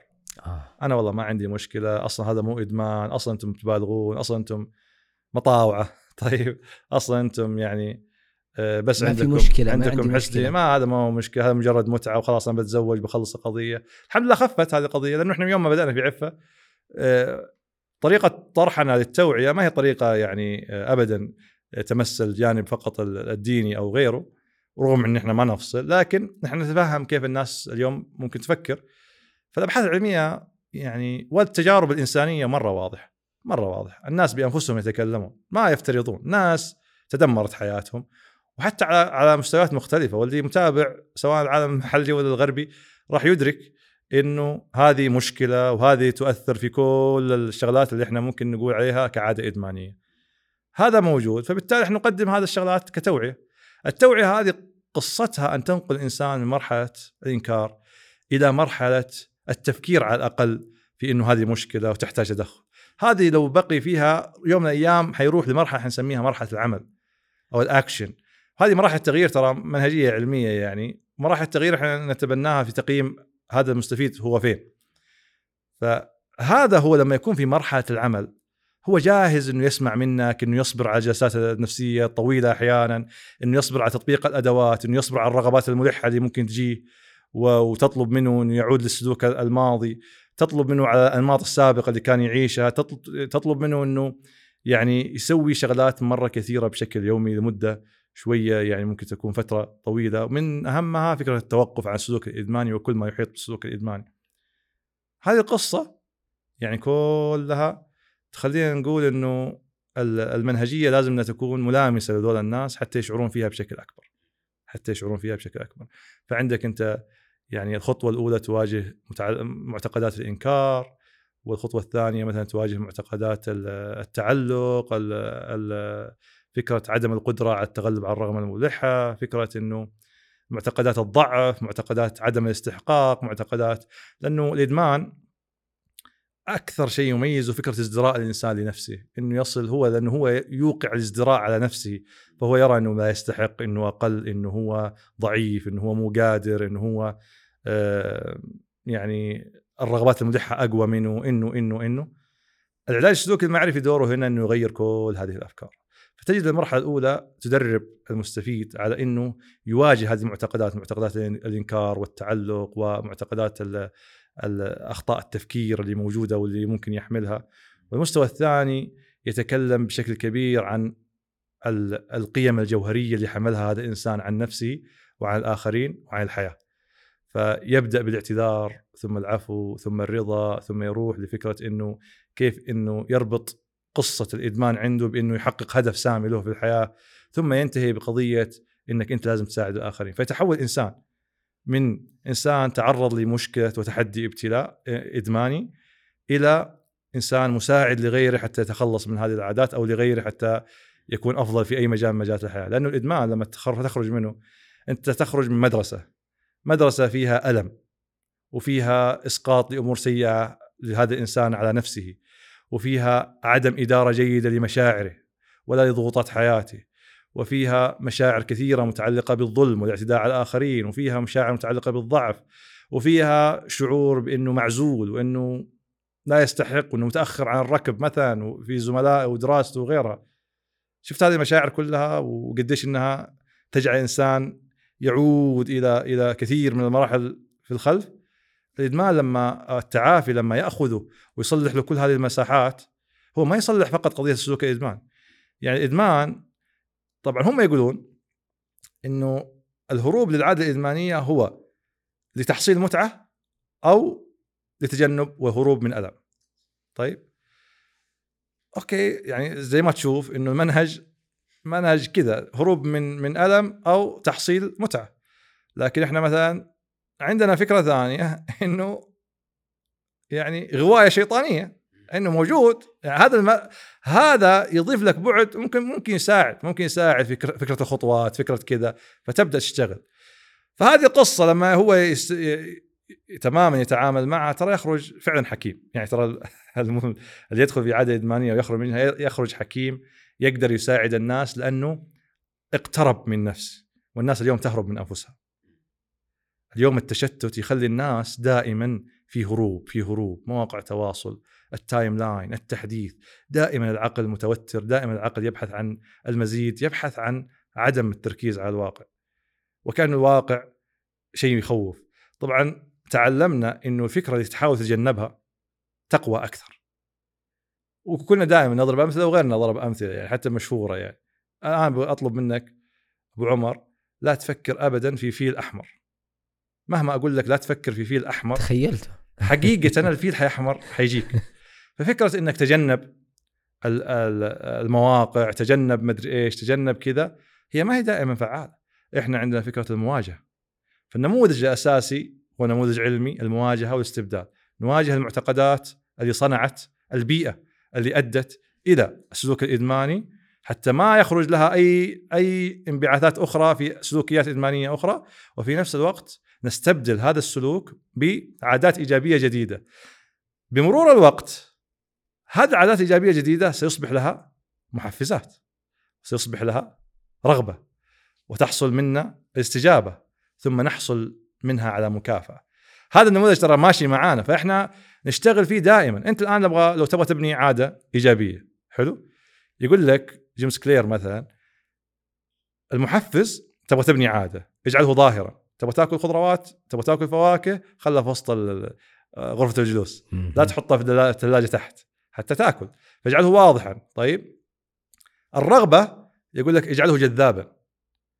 خلي اتيكيت فن تقديم الفواكه والخضروات حتى الأطفال. لما تعطيهم إياها كذا كاملة ولا متقطعه مختلف يأكلون. استجابه اجعلها سهلة في البدايات. خلي الموضوع سهل. ابدأ بحبة أو بنوع واحد ثم نوع ثم غيرها. ثم المكافأة اجعلها مشبعة. فدائما هذه التجربة اجعلها مشبعة لهم بأن والله الفاكهة عندهم مرتبطة بأنك أنت تشاركهم اللعب. بأنك أنت فصار تصبح العملية هذه مرتبطة بعملية أخرى فتصبح مشبعة. مع التكرار هذا السلوك سيبقى. تبغى تهدم عادة؟ سيئة. العكس. إذا عندك محفز اجعله مخفيا. اقضي على كل الأشياء اللي تجعل من مننا عرضة لأن إحنا نحمل عقلية المدمن وذهنية المدمن اللي يبحث عن المتعة ويهرب من الألم. لا إحنا نواجه ونرتقي وننمو. هذا أول حاجة. المحفزات اجعلها مخفية طبعا بإنك أنت تتعامل مع جذورها. التوترات الضغوطات المشاعر تحملها عن نفسك وعدم الاستحقاق وغيرها كلها ستتعامل معها وتختفي. ثم الرغبة في طريقك في التعافي. إحنا دائما نقول التعافي قصة. ما هي سهلة لكنها تستحق. والفكرة فيها إنك أنت تخرج أكثر حكمة أكثر قربا من نفسك أكثر تاثيرا حتى في من حولك. وكل اللي جرب يعرف إنه أهله في البيت كثير ترى يتكلمون ترى يقول والله أبوي جاني قال أنت متغير. أو إنها يعني فتاة فتقول ابدا ما كنت أعيش مثل ما أنا أعيش من السعادة حاليا. وقصة ترى فرق كبير ما بين السعادة والمتعة. السعادة تستدام تبقى. تبنى على حاجات أكبر من مجرد الدوبامين. لأنه أنت بذلت الجهد اللازم تحقيقه هو الفكرة الأساسية لو قبل المفروض نأصل لها إنه الإنسان لما كان يعمل كل هذه الأعمال ترى هو استحق المكافأة. فتفرض كميات مستحقة. أنت تدرس تتعب وكذا تتعب وتعد بودكاست وتخلص وكذا ثم ينجح. أنت استحقيت إنك أنت تشعر بهذه السعادة وبهذه المكافأة. لكن اليوم واحد يضغط على زر يخرج له مقطع الدماغ يمتلئ بسيل هائل من المواقع العصبيه يشعر بالمكافأة. فهو ما بذل الجهد اللازم حتى يستحق هذه المكافأة فلما يصير هذا حقيقة نموذج بناء يعني هذا النظام نظام المكافأة يضطرب. ولما يضطرب الإنسان هذا يضطرب. فاجعلها جذابة اجعلها سهلة دائما.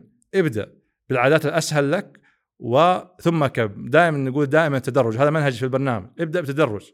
لا تبدأ بأعلى حاجة لكن بمرور الوقت راح تكتسبها وتبني عليها. وفي النهاية اجعلها مشبعة. آه طبعا إحنا نتكلم عن النموذج المعاكس صح؟ مم. اجعلها مخفية. الرغبة اجعلها غير جذابة. دائما عشان كذا فكرة فواحش الشاشة ترى جزء من استقباحها. أنت تقول هذه فواحش الشاشة. أنت حقيقة تعيد السيطرة لدماغك الواعي هنا في المنطقة الأمامية. طيب هذه المنطقة هي منطقة اتخاذ القرار. هذه المنطقة الواعية عندك. لما تعيد لها التشغيل ترى هذه فواحش الشاشة وأنا في تعافي مباشرة هذا الزخم وهذا الصداع وهذا الصراخ لهذه العادة الإدمانية مرة سيقل إن لم يختفي. فاجعلها غير جذابة. سلام. اجعلها غير جذابة. دائما اجعل حولها الوصوف الغير جيدة. ودائم فرق بينها وبينك. دائما فرق بينها وبين إذا كنت من المتزوجين بين العلاقة الطاهرة مع زوجتك. لأن إحنا دائما نقول هذه علاقة طاهرة. لا تحملها هذه العلاقة القذرة. هذا يفرق مرة كثير في فهمه لأنه هو يعاني لأنه هو رائع. فأقول إنه هذه العلاقة القذره بكل ما تحمله الأصل أنها ما تدخل في هذه العلاقة الطاهرة.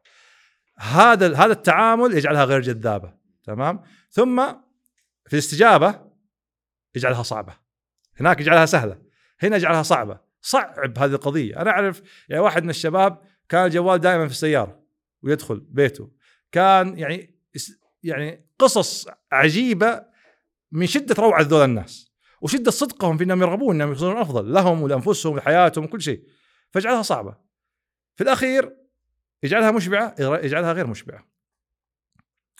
اجعل هذه التجربة تجربة غير مشبعة لك. لا تجعلها بأي طريقة كانت في أي عادة إدمانية لا تجعل هذه القضية مشبعة. بمرور الوقت أنت لن ترغب فيه ولن يحصل المحفز لها وستنتهي. طبعا هذا في في العادات. لكن لما تحول إلى إدمان ترى تحتاج إلى شخص معالج مرخص متخصص. والحمد لله إحنا في عفة عندنا نموذجين آه، مجانية وموجودة في موقع وتطبيقات عفة وتساعد الناس. مجانيه لين دحين طيب؟ ما أعرف بعد الحلقة إيش يصير. إن شاء الله. فهذه فهذه هذه القصة كيف إن إحنا ممكن نساعد. قضية ما هي سهلة. وإحنا لمسنا على مدى ثلاث سنوات قديش إنها آه، يعني مضرة وقديش إنها شرسة لما قلت لك من ارتباطها وخداعها لغريزة موجودة عند الناس فالناس يظنون إنها هي مجرد ممارسة. هي ليست ممارسة هي صناعة. يقصد فيها أن تبقى أكثر يقصد فيها أن تغرق يقصد فيها أن لا تنتهي منها. وبالتالي آه، أنت دائما تشعر أنك يعني لا تمارس كل ما تمتلكه من حرية في هذه الأرض مع اسرى العادات الإدمانية. آه بنجي بنجي لشيء في التعافي. بس آه هل الفهم المحفزات إني أفهم المحفزات وطريقتها وتعاطي التعا- التعاطي معها مني يعيني على إني آه، أتخلص من هذه العادة أو من إدمان مثلا مشاهدة الفواحش آه، هو الوعي بداية التغيير. هو ما في شك إنه وعيك ب- ب- بالمحفز وبنمط هو نمط في النهاية هو نمط سقوط. طيب النمط هذا وهذا كيفن سكينر مثلا ذكره في أكثر من موقف لكن إنك أنت تدرك النمط لأنه كل واحد له نمط في السقوط. إحنا نسميه نمط السقوط. بمعنى والله هو يكون في هذا المكان أو مع هذا الشخص أو في هذا الش- الشيء أو في هذا الموقع أو في هذه المنصة فتبدأ عنده الأفكار فيبدأ عنده الرغبة فتبدأ عنده الدوبامين والنواقل العصبية فتحدث نفسه بالاستجابه فيدخل في قضية التجنب والمقاومة اللي قلنا ما تزيد الفكرة إلا ترسخا ثم يقع. ثم يدخل في في الألم. لأنه قلت لك الدماغ حريص إنه يرجع لك التوازن. وعنده دائما هذا التوازن ما بين الألم واللذة. ومنطقة في الدماغ تتعامل مع الألم واللذة في نفس المكان في نفس الوقت. فأنت قد ما إنك تظن إنك حصلت متعة حتحصل ألم. وبالتالي حيرجع في دائرة الامل الألم ويرجع في في في, في الإدمان. الحل إنه إيوه أنت قلت مثلا الوعي هل الوعي يفرق؟ إيوه الوعي جدا يفرق. لما تعرف هذا النمط فأنت بمجرد حصول يعني الله لما لما يقول ولا تقربوا الزنا صح؟ وعندما يتحدث عن خطوات الشيطان لا تقرب لا تقرب. كيف إنك ما تقرب لو إنك ما تعرف؟ لو إنك ما تعرف الخطوات هذه كيف إنك ما تقرب منها؟ فهذه قصة الابتلاء يعني أنت مبتلى بأي إفساد يحصل عليك وما في أحد معصوم. بقول لك شغلة مثلا على مستوى إدمان المواد. ولأنه الزمن هذا لما قالت مثلا لمبكي أنا لمبكي ومثلا وهي أستاذة طب نفسي وطب إدمان ورئيسة قسم الادمان في ستانفورد لما تكلم بهذه الطريقة تعرف إنه يعني إحنا ما جالس نتكلم كلام كذا يعني إنشائي. الآن في بيانات تؤكد إنه في أعمار وفئات جديدة دخلت في عالم إدمان الكحول ما كانت موجودة قبل. ليش؟ لأنه النمط. النمط المصنوع هو نمط يدعو إلى مزيد إلى إلى عالم الوفرة، وعالم الوفرة غالبا يؤدي إلى تحفيز مستمر لنظام المكافأة وبالتالي ممكن تحول هذه العادة لعاده إدمانية. الرجال أكبر من من من 60 سنة والنساء كانوا دائما دائما نسبهم قليل الآن في تزايد فيما يتعلق بإدمان الكحول. وهذا يعني يعني ممكن نحن نستلهم منه ترى فيه احتمالية كبيرة إنه فئات جديدة تنضم وفي احتمالية كبيرة إن إحنا ما نتكلم مع الشباب فقط ترى. ترى إحنا نتكلم مع الكل. هل يعني إن الشباب هم المستهدفين في في جوانب فواحش الشاشة؟ لا. الكل. مم. الكل. بالعكس يعني هذه الصناعه قذرة. طيب أنا ما أعرف كيف أقول بأكثر من كذا لكن هذه الصناعة يعني عملنا في هذا المجال يخليني أقول هذه الكلمة وما أعرف أعتذر عنها للمشاهدين يعني لكن هي تستحق بالمناسبة. يعني آه للأسف إنها يعني مواقع التواصل الاجتماعي طيب مصممة حتى وبالمناسبة في قسم في ستانفورد يدرسون فكرة التقنية الإغوائية طيب. درسوا الإنسان درسوا احتياجاته البشرية ودرسوا ضعفه فبالتالي وفروا له حاجة تجعله دائما يبقى في هذه المنصة. فكرة مواقع التواصل أن تبقى فيها أكبر قدر ممكن. وأن تدعو أصحابك لها وأن يستفيدوا بشكل مرة كبير من الإعلانات التي تأتي بسبب تواجدك وتواجد أصحابك. مكتشف مثلا زر الإعجاب هذا كان فيسبوك وهو واحد من خريجي هذه التقنية. تتكلم عن مكتشف التاج مثلا. التاج هذا لما أنا أحط لك تاج وأقول لك تعال أنا في فيسبوك، أنا في إنستغرام، أنا في سناب شات، أنا في في في في نسيت حتى اسمه واتساب مثلا فأنت كصديق لي وتعرفني تقول والله دام ناداني معناته في حاجة فتجي فهي مصممة حتى تغوي الناس وتبقيهم أكثر. ودحين مثلا طلعت فكرة الذكاء الاصطناعي وفكرة ترى في في مقابل لك ما أعرف فين الله المستعان لكن مقابل لك. كل الخطوات وهذه الناس الموظفين في في في هذه الأماكن ترى خرجوا. كل الأنشطة اللي أنت تسويها تراها مسجلة. ومراقبة. وبناء عليها لما تتوقف عن استخدام المنصه يتم معالجتها ومعالجتها ومعالجتها حتى تخرج لك شغلات تصير أنت تفضلها. وهذا الإباحية أخذت هذا الجانب وللأسف أنها تعيد تشكيل الغرائز الجنسية عند البشر. فتحولها من الفطرة إلى الشذوذ. وتحولها من الوضع الطبيعي إلى الوضع الغير طبيعي. وتحولها من الطهارة إلى القذارة وتحولها من شغلات كثيرة إلى شغلات منحطة إلى شغلات أقل من عالم الحيوان. فهذه لما استخدمتها يعني مواقع وصناعة الإباحية تراها يعني فعليا جالس تسبب مشاكل كبيرة لأن إحنا كلنا ندرك تأثير الإعلام على العقول. طيب وكلنا ندرك فكرة مواقع التواصل الاجتماعي وكيف خطرها وكيف أثرها على الناس. حتى يعني فكرة إنه تخيل تخيل إنه جالسين يحسبون كل خطوة لك ولما تصحى بكرة يجيبون لك نفس الشيء ويسوون لك تيست والخوارزميات كلنا جربها وكلنا شفناها. فالعملية تطفلية العملية فعلا تستفزك تستفزك حتى أنك تنساق ولما تنساق هم يكسبوا. فالعملية ما فيها العامل البشري العامل عامل إنه هذا إنسان وان إحنا معا نصنع حضارة ونصنع تطور ونصنع ما في ما في. العالم هذا كله ما هو واضح. فعودا على مرة كلام كثير أنت قلته. أول الوعي بهذا كله يجعلني أدرك إنه ما في شيء جالس يحصل مثلا هو ما له أثر علي. فبالتالي لما أعرف نمطي أعرف كيف أواجهه وليس أعرف كيف أتجنبه. ممتاز. أنا أبغى ناخذ كذا نلخص في بعض الأشياء بعض الأشياء الرئيسية. أنا أبغى نلخص في لماذا؟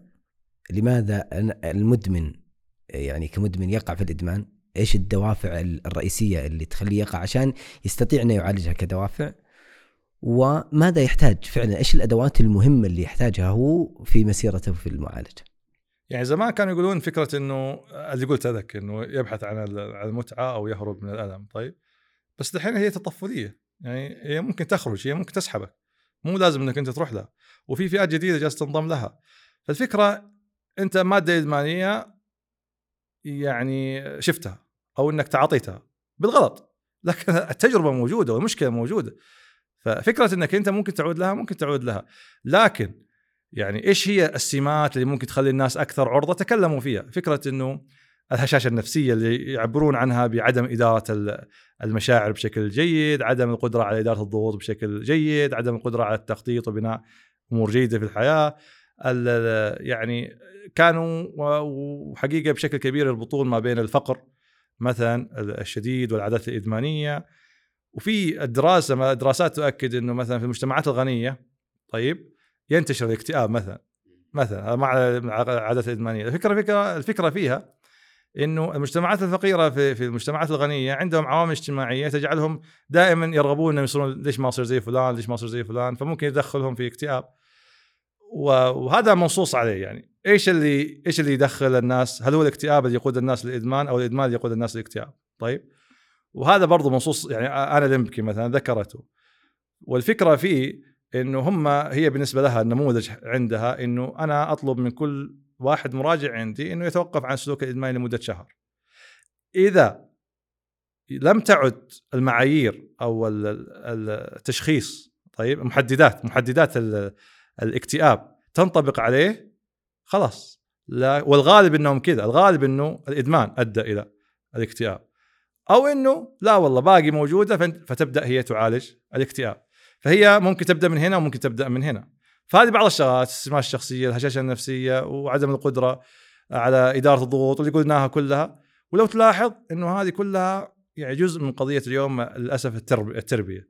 فإحنا أول ما يعني الحين صرنا نسمع لا وانتبه إنك أنت تقسو عليه بالكلام وانتبه إنك أنت تقول له كذا وفي في حاجة تحتاج تصليح في حاجة تحتاج تصليح. وإحنا عندنا صراحة في عفة دليل اسمه والدية واعية عشان ما يعني ما آخذ لأنه مر الوقت أتوقع إنه قليل. لكن والدية واعية يستهدف يعني فكرة كيف انه الأسرة تساعد أولادها حتى إنهم ما يقعوا أصلا في هذه القضية أو غيرها من العادات الإدمانية.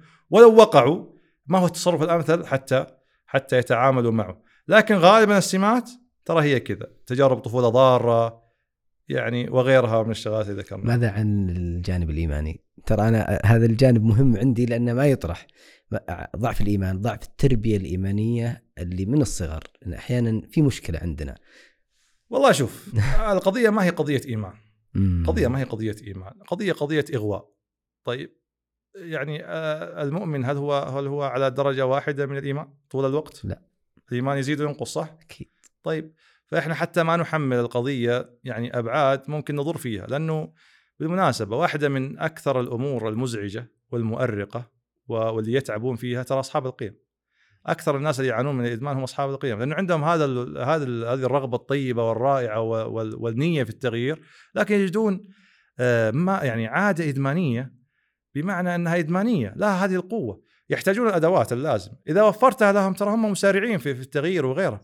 لكن ما تقدر تقول ابدا إنه والله هذا والله ضعيف إيمان عشان هو عشان كذا هو هو وقع في هذه القضية. لكن ما تتجاهل في نفس الوقت مثلا الدور الشيطاني في الغواية في عملية الإباحية. يعني يعني تخبر لما إحنا كنا نتعلم زمان وسمعنا قصة يعني في في في لما جو الكفار قريش يبغون يقتلون النبي صلى الله عليه وسلم.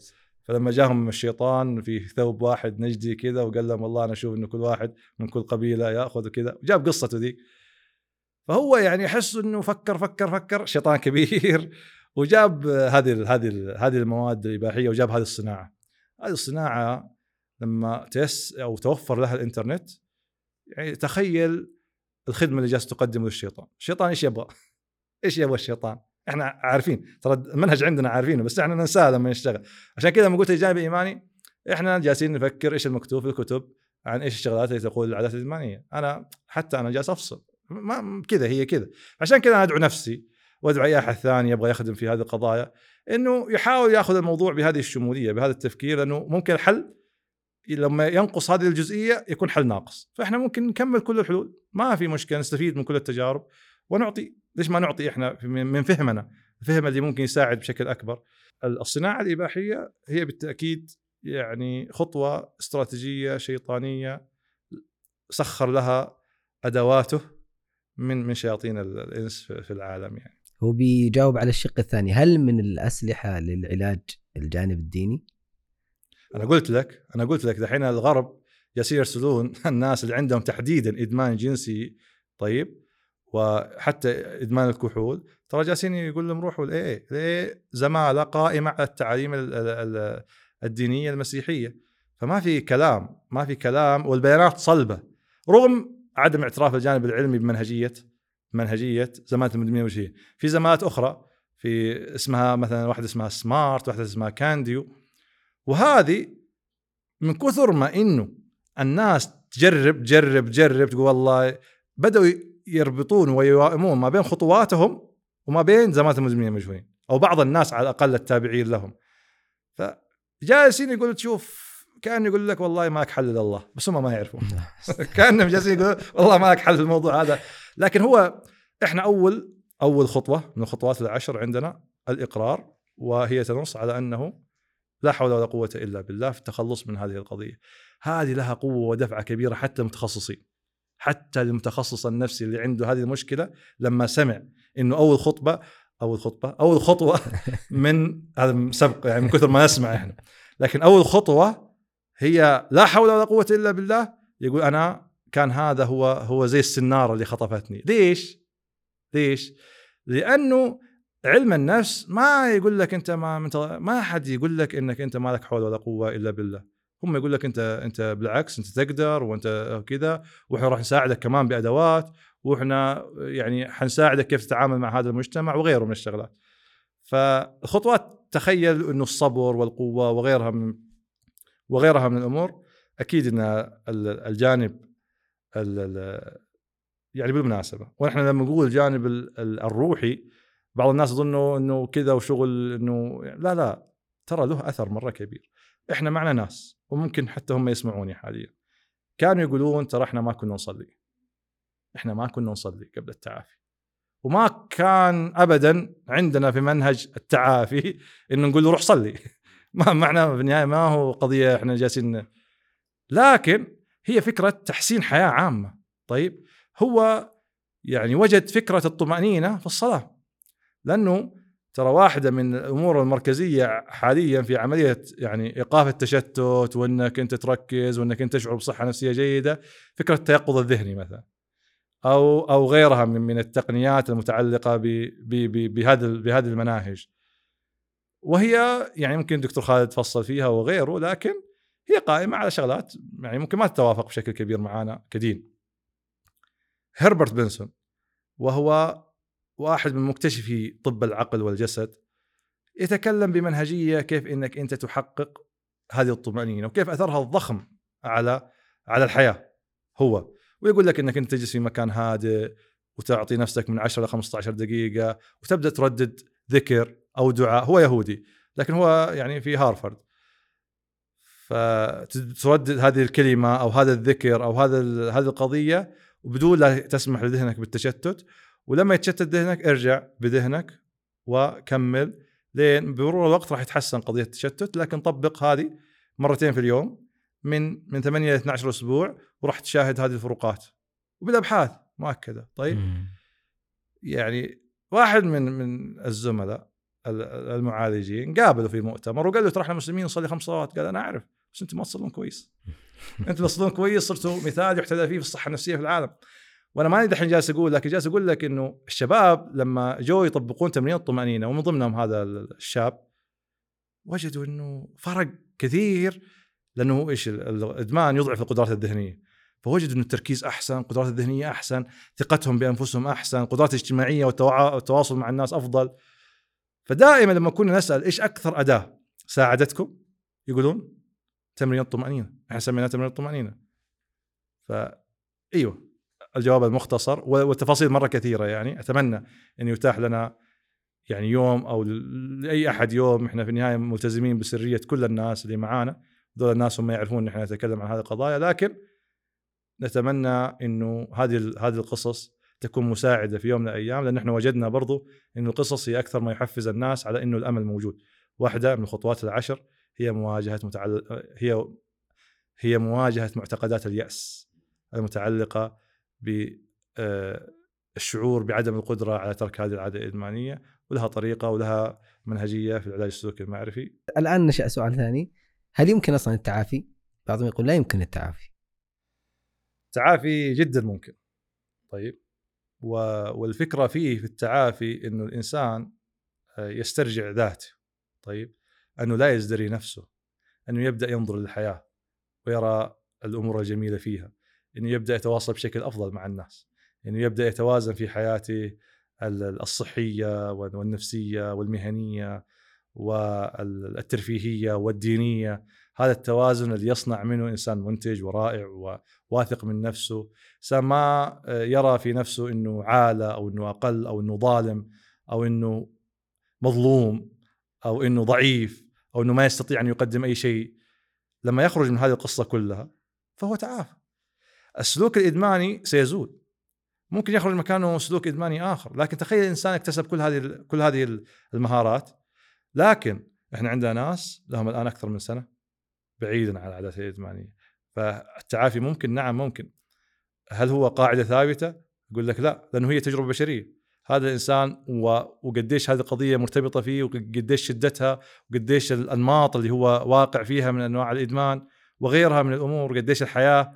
وقديش قدرته على إنه يواجه لأن إحنا قلنا إحنا ما نبغى نهرب. فالعملية عملية يومية وفيها فيها وهذه قصة الحياة صح؟ قصة الحياة إن إحنا يوم فوق ويوم تحت.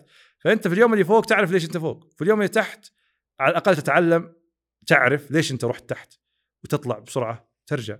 وبهذه الطريقة ترى راح نصل. بهذه الطريقة أي حاجة فيها نمو ما في حاجة يمكن ما في حاجة كذا. في يوم كذا في يوم كذا في يوم كذا. لكن هذا الألم المحاط بالتجربة يصنع النمو. وعشان كذا واحدة من التقنيات مثلا اللي يقترحونها مو إنك تهرب من الألم إنه يكون أحيانا عندك ألم في الحياة يساعدك إنك أنت تنمو وتتطور عندنا كثير من القصص الحمد لله وكثير من النجاحات والأمل جدا موجود وبإمكانكم تطلعون عليها. ما هي ما هي يعني بعض الناس يتكلمون بأنفسهم.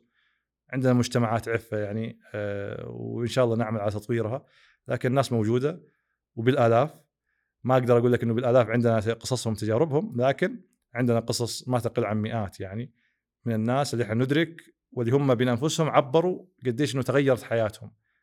ليش؟ لأنه منهج منهج هم أخذوه مع أنفسهم وحرصوا على تطبيقه وغير شوية من حياتهم. طيب أبو نور يعني الآن إحنا أخذنا صراحة وقت كبير وأخذنا أشياء متشعبة وأظن إنها تصب في في صلب الموضوع آه، للمتلقي لها.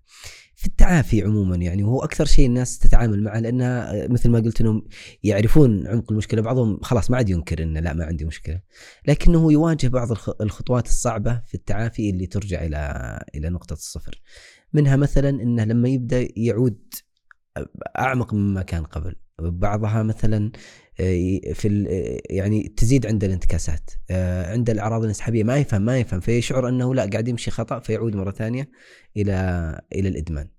كيف نتعاطى معها هذه؟ يعني واحدة من أهم الشغلات في رحلة التعافي اللي إحنا جالسين دائما نؤكد لها إنه عقلية المدمن ترغب في الإشباع الفوري. بمعنى أنا بغيت شوكولاتة أكلت شوكولاتة. بغيت متعة حصلت متعة. بغيت كذا أبغى تعافي حص... لازم أحصل تعافي. آه، عقلية إنه ترى العملية عملية آه، إنك في الليل تقرر إنك تتعافى ومن بكرة ترى ما ما حتعاني شوية في هذه الرحلة هي مفتاح. لما الانسان يدرك ما هو مقبل عليه زي ما قلنا مختلف عن الانسان اللي ما هو مدرك لما هو مقبل عليه. هذا يخليه جاهز نفسيا إنه آه، يمر خلال الرحلة.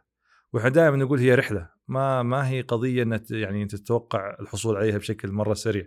التعافي يتطلب دائما نقول إنه يتطلب وقت حتى إنه هذه المسارات العصبية تكونت تعود إلى وضع طبيعي. حتى إنه الدماغ يعاد تشكيله بهذا بهذا الزخم الجديد من الأدوات النفسية من الخطوات من العادات الجديدة. تحتاج تع... لأنه مفتاح مفتاح العادات هو التكرار. فأنت إذا انك قضيت سنوات وأنت تتابع وتتابع وتتابع. وهذه المسارات العصبية مثل الأنفاق. وكل ما إنك أنت مشيت فيها كل ما قوي قوي هذا النفق أنت تمشي فيه. حتى إنك فعلا تضعفه بالدرجة التي لا تؤثر عليك فأنت تحتاج إنك أنت تهمل. الدماغ يمشي بهذه القاعدة قاعدة استخدم أو اخسر طيب فأنت المسار اللي ما تستخدمه في يوم من الأيام حتى المهارات أنت يوم مهارة تمتلكها لكن لو قطعت عنها فترة ترجع تحس إنك جديد عليها. هذه قصة الدماغ. فأنت هذه العادة مع الأدوات النفسية طبعا مع التعامل مع كل المشاعر مع كل الجذور مع كل القصص اللي ساهمت في إنك أنت ممكن وقعت في هذا الجانب راح تساعدك بشكل كبير. لكن متى؟ مثلا إحنا عندنا في عفة مثلا نقول إنه العملية تأخذ ثلاثة اشهر في قضية إنك أنت تواجه هذه العادة الإدمانية وإنك أنت توقفها. وثلاثة أشهر أخرى حتى إنك تعزز ما سبق وأيضا تتعامل مع الجذور اللي ساهمت في بناء هذه الشغلات. هذا في النموذج الأول. في النموذج الثاني عندنا 16 أسبوع من من العمل المتواصل. هذه كلها تجعل الإنسان يدرك إنه رايح في رحلة. لكن قضية استعجال الثمرة هي أكثر ما يساع يعني ما يؤثر على الناس. يقول طيب وأنا لي 50 10 أيام وبدأت تصير عندي طيب عندي 50 يوم ليش تجيني؟ لي سنة لي سنتين. لو مشينا بفكرة إنه الإدمان آه، مرض مزمن إنك أنت دائما راح يبقى هذا المحفز. ولو كان ضعيف جدا هذه الدائرة العصبية ولو كانت ضعيفة جدا لو إنك أنت لاحقا جاك المحفز وهو ضعيف واستجبت له بخيارك وقرارك فأنت ممكن ترجع مرة ثانية تنتكس. طيب فهمك لهذا ما يمكن يعيدك لمنطقة صفر. يعني أنت لو إنك مشيت وخذت 30 يوم و... و... وانتكست أو زليت. طيب إحنا في هذه المصطلحات نمشي. فإذا صار هذا فهو صار بسبب. لما أنت تتعلم وتشوف إيش اللي إيش كان إيش اللي سويته وايش اللي ما سويته وايش القصة اللي أنا ممكن أن النمط تكون من خلالها النمط هذا اللي أنا ما كنت مجهز له فتسوي له خطة وتمشي. تتعلم منه وتمشي. هذه الفكرة تساعدك لأنه إحنا تكلمنا انها رحلة، الرحلة ممكن يبنشر في عليها فيها كفر، ممكن بنزين ينقطع فيك، ممكن أي شيء يصير لك لأنك أنت ما كنت مجهز له. وطبيعي إنك أنت في أحيان كثيرة ما كنت ما تكون تعرف إيش اللي ممكن يقابلك في هذه الرحلة. فعادي افهمها بهذه الطريقة وامشي وكمل راح تجد إنك في يوم من الأيام تصل وما عمرك راح ترجع لنقطة صفر، إنك كل يوم تتعلم شيء جديد، تتعلم فيه شيء عن نفسك وعن الحياة وعن العلاقات وعن كيف تتعامل مع الأجهزة وعن كيف تتعامل مع الأشخاص وعن كيف لأنه إيش اللي يحفز الناس؟ دائما يحفزهم إما واحد اساءل وما عرف كيف يرد عليه فالدماغ أوه في ألم يلا مسار قديم الهروب للعادة الإدمانية خلاص تتعلم إنه هذا الإنسان لما يغلط عليك المرة الجاية كيف تواجهه؟ كيف ما تهرب؟ لو إنك تعلمت من هذه القضية دائما فكرة يعني المواجهة والتوبة المواجهة والتوبة المواجهة والتوبة يوم من الأيام الأمور حتمشي. فكرة إنك تصل لمرحلة اليأس لما تتسرب لك هذه الأفكار والمشاعر ترى أنت حترجع. هنا هنا حترجع. هنا في هذا الوقت أنت حترجع للنقطه الصفر لكن لو كملت يعني التعافي زي ما قلنا ممكن. طيب أبو نور إحنا ذكرنا الآن يعني آه، طريقة للتعافي. منها اللي هي مجموعات الدعم أو يعني خلينا نقول الزمالة. اللي موجودة. فيها إشكالية عند بعض الناس إنها ممكن إنها تحتك الستر أو إنها كيف نتعاطى بها بالمنظور الإسلامي اللي ممكن إنها تسرع عملية التعافي وتعين عليه. والله شوف إحنا في عفه عندنا اجتماعات دعم وهي وفق النموذج وفق نموذج الخطوات العشر. لكن زي ما قلت لك اجتماعات الدعم آه، واحدة من أهم أهدافها إنها تبعد قضية ازدراء النفس وإنها تشعر الإنسان أنه ليس وحيدا وأنها تساعده في لحظات الضعف. لأنه التجارب البشرية تثري قصه الطريق. فالطريق التعافي رحلة كبيرة في هنا مقومات ما هي موجودة عند الشخص الآخر. فهي ضرورية حتى الناس تتعلم من بعضها وحتى الناس تشعر انها ليست وحيدة. حتى الناس ما تحمل فكرة ازدراء الناس ولا تلقي بهذه الأفكار السلبية عن ذاتها على ذاتها. فهذا دور اجتماع الدعم هو دور مركزي ومحوري في قضية استدامة التعافي والحافز. إبقاء الحافز على التعافي. وإحنا استشرنا صراحة فيها أكثر من شخص مختص شرعي. والفكرة فيها إنه هذه القضية ما ما هي ما هو الهدف منها هتك الستر أو إنه هذا الانسان آه، يعني يتكلم في قضية تتوقع أن تتكلم عن المجاهرة ومن المجاهرة. لا آه، هي ابدا هي بالعكس هي مجهولة هي عن بعد. آه، ابدا ما نستهدف إنه نعرف الشخص من وين جاي وإيش الآلية اللي يتكلم منها. والفكرة إنه هو يحصل الدعم وأيضا يساعد غيره بمنهجية آه، حتى علمية. يعني ما تركز على الماضي البعيد تركز فقط على الماضي القريب مع المستقبل لأنه هذا وجدوا في العلاج السلوكي المعرفي إنه هو الأكثر تاثيرا والأكثر فاعلية. فهي ماشية بهذه المنهجية ولها أثر. زي ما قلت لك البيانات لما قلت قلنا أول إنه بيانات صلبة فيما يتعلق بفاعلية يعني زمالة المدمنين المجهولين مثلا كمنهجية في المساعدة في التعافي من العادات الإدمانية. فهذا المنهج ما تجاهل هذه القضية ووفرها وحافظ على خصوصية وسرية الناس ووفرها في مكان بحيث قدر الإمكان الناس ما حيعرفون آه، بعض إن شاء الله. فالجواب المختصر أتوقع إنها ما تهتك الستر وأتوقع إنها فعالة جدا ومساعدة إن الناس دائما يبقون في عالم التعافي خصوصا إنه الآن إحنا في مرحلة تطويرها بإذن الله في عفة حتى تأخذ شكل جديد وأكثر احترافية وبإذن الله يكون يعني أكثر آه، يوفر أكثر ارتياحا خلينا نقول للمستفيدين من خدمات عفة والناس اللي نخدمهم. تدري في شيء أثر فيني في لما كنا نتكلم في مكالمة وما اخذنا حقه في الحلقة صراحة. فكرة الوفرة والندرة في العادات عموما قعدت أفكر يعني فعليا الواقع اللي نعيشه الآن قاعد يوفر لنا كل شيء بطرق مختلفة. المطعم يوفر لك وجبات عديدة عشان تزداد في الإقبال عليه. فهل واحد من الأشياء اللي نحتاجها فعلا أن نعود إلى عاداتنا كلها ونتعامل معها بطريقة الندرة؟ ما ما ننساق خلف الوفرة اللي قاعدة تصير وهو علاج لهذا. أه يمكن حاجة مشهورة جدا يمكن سمعت فيها في, في عالم إذا أنك أنت قرأت في هذا المجال وانت أنا أكيد أنك أنت يعني أعديت جيدا. صيام الدوبامين مثلا. هذا هذا المصطلح وهذه الممارسة وإيش قصتها؟ كثير في العالم الغربي اليوم جالسين يصومون مثلا صيام متقطع وكذا وكيف أثروا عليهم وغيرها. وكل الفكرة فيها فعليا إنه إحنا نوقف هذا السيل الهائل من النواقل العصبية على هذا الدماغ حتى نستعيد اللذة. يعني هو فكرتهم حتى نستعيد الشعور بالأمور. الأمور اللي المفروض تبهج الإنسان وتسعده اليوم ما هي زي اللي كانت زمان. يعني اليوم الأطفال والكبار والصغار والبنات والشباب ممكن يجلسون أسرة كاملة في مكان هم ماسكين جوالاتهم صح؟ إيش القصة؟ إيش القصة؟ مواقع التواصل وفرت لهم التعدد اللامنتهي وفرت لهم أصحابهم هناك وفرت لهم مواد تبقيهم أكبر قدر ممكن هناك فأصبح الجلسة مع الأب والأم غير غير مبهجة للأطفال الكبار إحنا كآباء أحيانا يجلس أنا مرة من المرات بنتي قالت بابا لا تطالع في الجوال كلمني. كنت أكلمها وأنا طالع في الجوال. شوف يعني رغم إنها صغيرة جدا البنت يعني على لكن لما تنتبه طفلة إلى فكرة أنك أنت مركز معايا وغير مركز معايا كيف ما با يعني ابائنا وأمهاتنا كيف إخواننا وأخواتنا كيف نحن جالسين ننسحب من العالم الحقيقي إلى العالم الافتراضي والخيالي.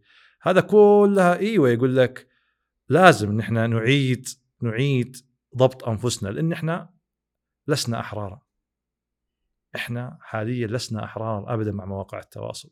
طيب ف إيش هو مفهوم التزكية عندنا في الإسلام؟ ترى هو قائم على هذه الفكرة. فكرة إنك أنت ما تستكثر. والعجيب والظريف والجميل أنك كلما يعني في آية عجيبة كنا نقولها لما يكون القضية متعلقة بالمتزوجين مثلا. وهي قل للمؤمنين يغضوا من أبصارهم فروجهم ذلك أزكى لهم. أزكى لهم، إيش يعني أزكى؟ هي نفس فكرة التزكية. أزكى تجي بمعنيين في اللغة. طيب. معنى النماء والزياده ومعنى الطهارة والتطهير، فالزكاة تطهير الأموال. وفي نماء للأموال نفسها. طيب. إذا أردت أن تعيش حياة زوجية مرضية ومشبعة وجميلة وسعيدة غض بصرك. غض بصرك. طيب. إذا اخترت أنك تتجاوز هذه القاعدة فادخل في قضية يعني الأبحاث العلمية الغربية لأن إحنا كذا نفهم صرنا لازم نقول له بحث غربي. والبحث يؤكد إنه لا يمكن الوصول للرضا بين الزوجين إذا كان أحدهما يمارس أو مدمن على المواد الإدمانية الإباحية. وهذا مفسر. ليش؟ هذا مفسر. لأنه لا يمكن لأي شريك منافسة المواد الإباحية وهذا بتقرير واحد من أبرز علماء إدمان الجنس تحديدا. ف يعني إحنا نقول التزكية ودورها ترى مرة كبير. إذا فهم مفهوم التزكية إحنا وين؟ إحنا مرة بعيدين عن هذا المفهوم. كيف ممكن نقرب اليوم لأولادنا وبناتنا؟ كيف ممكن نساعدهم حتى إنهم يفهمون؟ حتى إن يأخذون تعرف لما تجيب كمبيوتر وتحاول إنك أنت تنزل فيه يعني ويندوز كويس طيب يساعده يحميه وكل شيء فهذه التزكية. إذا إنك استطعت إنك أنت كشخص بالغ وكبير إنك تحققها في ذاتك وتساعد أولادك عليها ترى أنت بدل ما إنك أنت كل ما يجيهم تعرف أنت في, بيت والسيل يجيك من كل مكان وهنا شوية تبني سد وهنا شوية تبني سد ممكن شوية يتسرب من هنا ويتسرب من هنا لكن لو أنت أعطيته الأداة هو حيساعدك هو حيساعدك وراح يساعده نفسه إنه ما يقع ولا يكون فريسة سهلة ولا يتعرض بسهولة للخداع ولا يتعرض بسهولة لإنه أحد ممكن يوجهه بطريقة غير إيجابية أو إنه يستغله أو أو أو أو. فيها الكثير من الأمور اللي إحنا ممكن نسويها لكن دائما التزكية هي خيار مرة ممتاز. وبرضه والديه واعيه بالمناسبة في دليل التحصين هو مركز على فكرة إنه الوقاية قائمة على هذا المبدأ مبدأ مبدأ التزكية. ولما نقلل نستمتع أكثر. لما نقلل من الأمور نستمتع أكثر. لما ما نقلل نحتاج دائما إلى جرعات أكثر وأكثر. وزي ما قلنا إذا كان خط الأساس الخط القاعدي للدوبامين يعني الطبيعي لنا جالس يرتفع مع العادات فإنه المتعة القادمة يجب أن تكون أكبر من المتعة الحالية. وهذا قد يقودنا للعادات الإدمانية لأنه هي اللي تحمل عدد أكبر من النواقل العصبية. وللأسف إنه اليوم العادات الإدمانية متوفرة جدا ومتنوعة جدا وقوية جدا وهذه هي العلامات والأمور اللي ممكن تحكم فيها على على خطوره اي ادمان. الله يسعدك أبو نور.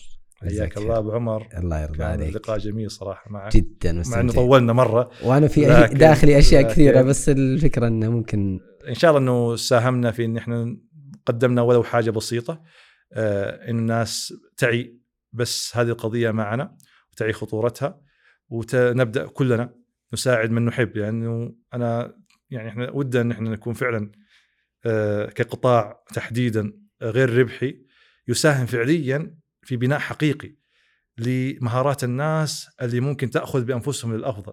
لكن القضية حاضرة وأتوقع إنها تحتاج عدد كبير. خليني أقول لك إنه لو لو كانت جهة واحدة هي اللي مركزة على القضية فالقضية دائما أكبر من جهة واحدة ومن جهتين وثلاث وعشر ومية. فان شاء الله إنه هذه القضية تصل وأنا أعرف إنه كل مدرك لحجمها وانتشارها وخطورتها لكن نأمل إنه يصير فيه فعلا تعاون آه، كبير حتى ان إحنا فعلا نساهم اليوم إنه العادات الإدمانية التي ضربت المجتمعات الغربية إنها ما تطال مجتمعنا في المملكة العربية السعودية وإن إحنا نسلم منها. رغم العولمة ورغم إن إحنا منفتحين جدا على العالم لكن كيف إن إحنا يكون عندنا نموذج نساعد فيه أجيالنا حتى تكون أفضل من غيرها من الأجيال في العالم. أتوقع هذه رسالة جيدة ممكن نتبناها ونساعدها وما هو شيء صعب لأن إحنا ما نبدأ دائما من الصفر. إحنا دائما عندنا حاجة ممكن نبني عليها بس نحتاج نخرج شوية من دائرة الكسل المعرفي إلى دائرة آه، النماء وفعلا الرغبة في في المساعدة هذه فقط النية مع هذا الحركة البسيطة راح نجد لها أثر مرة كبير إن شاء الله على مجتمعنا. الله يجزاك خير دكتور. الله يحييك. الله يعافيك. عمر شرفت فيك. الله شكرا لك. الله يرضى الله شكرا. شكر موصول للمستمعين والمستمعات والمشاهدين والمشاهدات نلقاكم في كاف جديد السلام عليكم ورحمة الله وبركاته.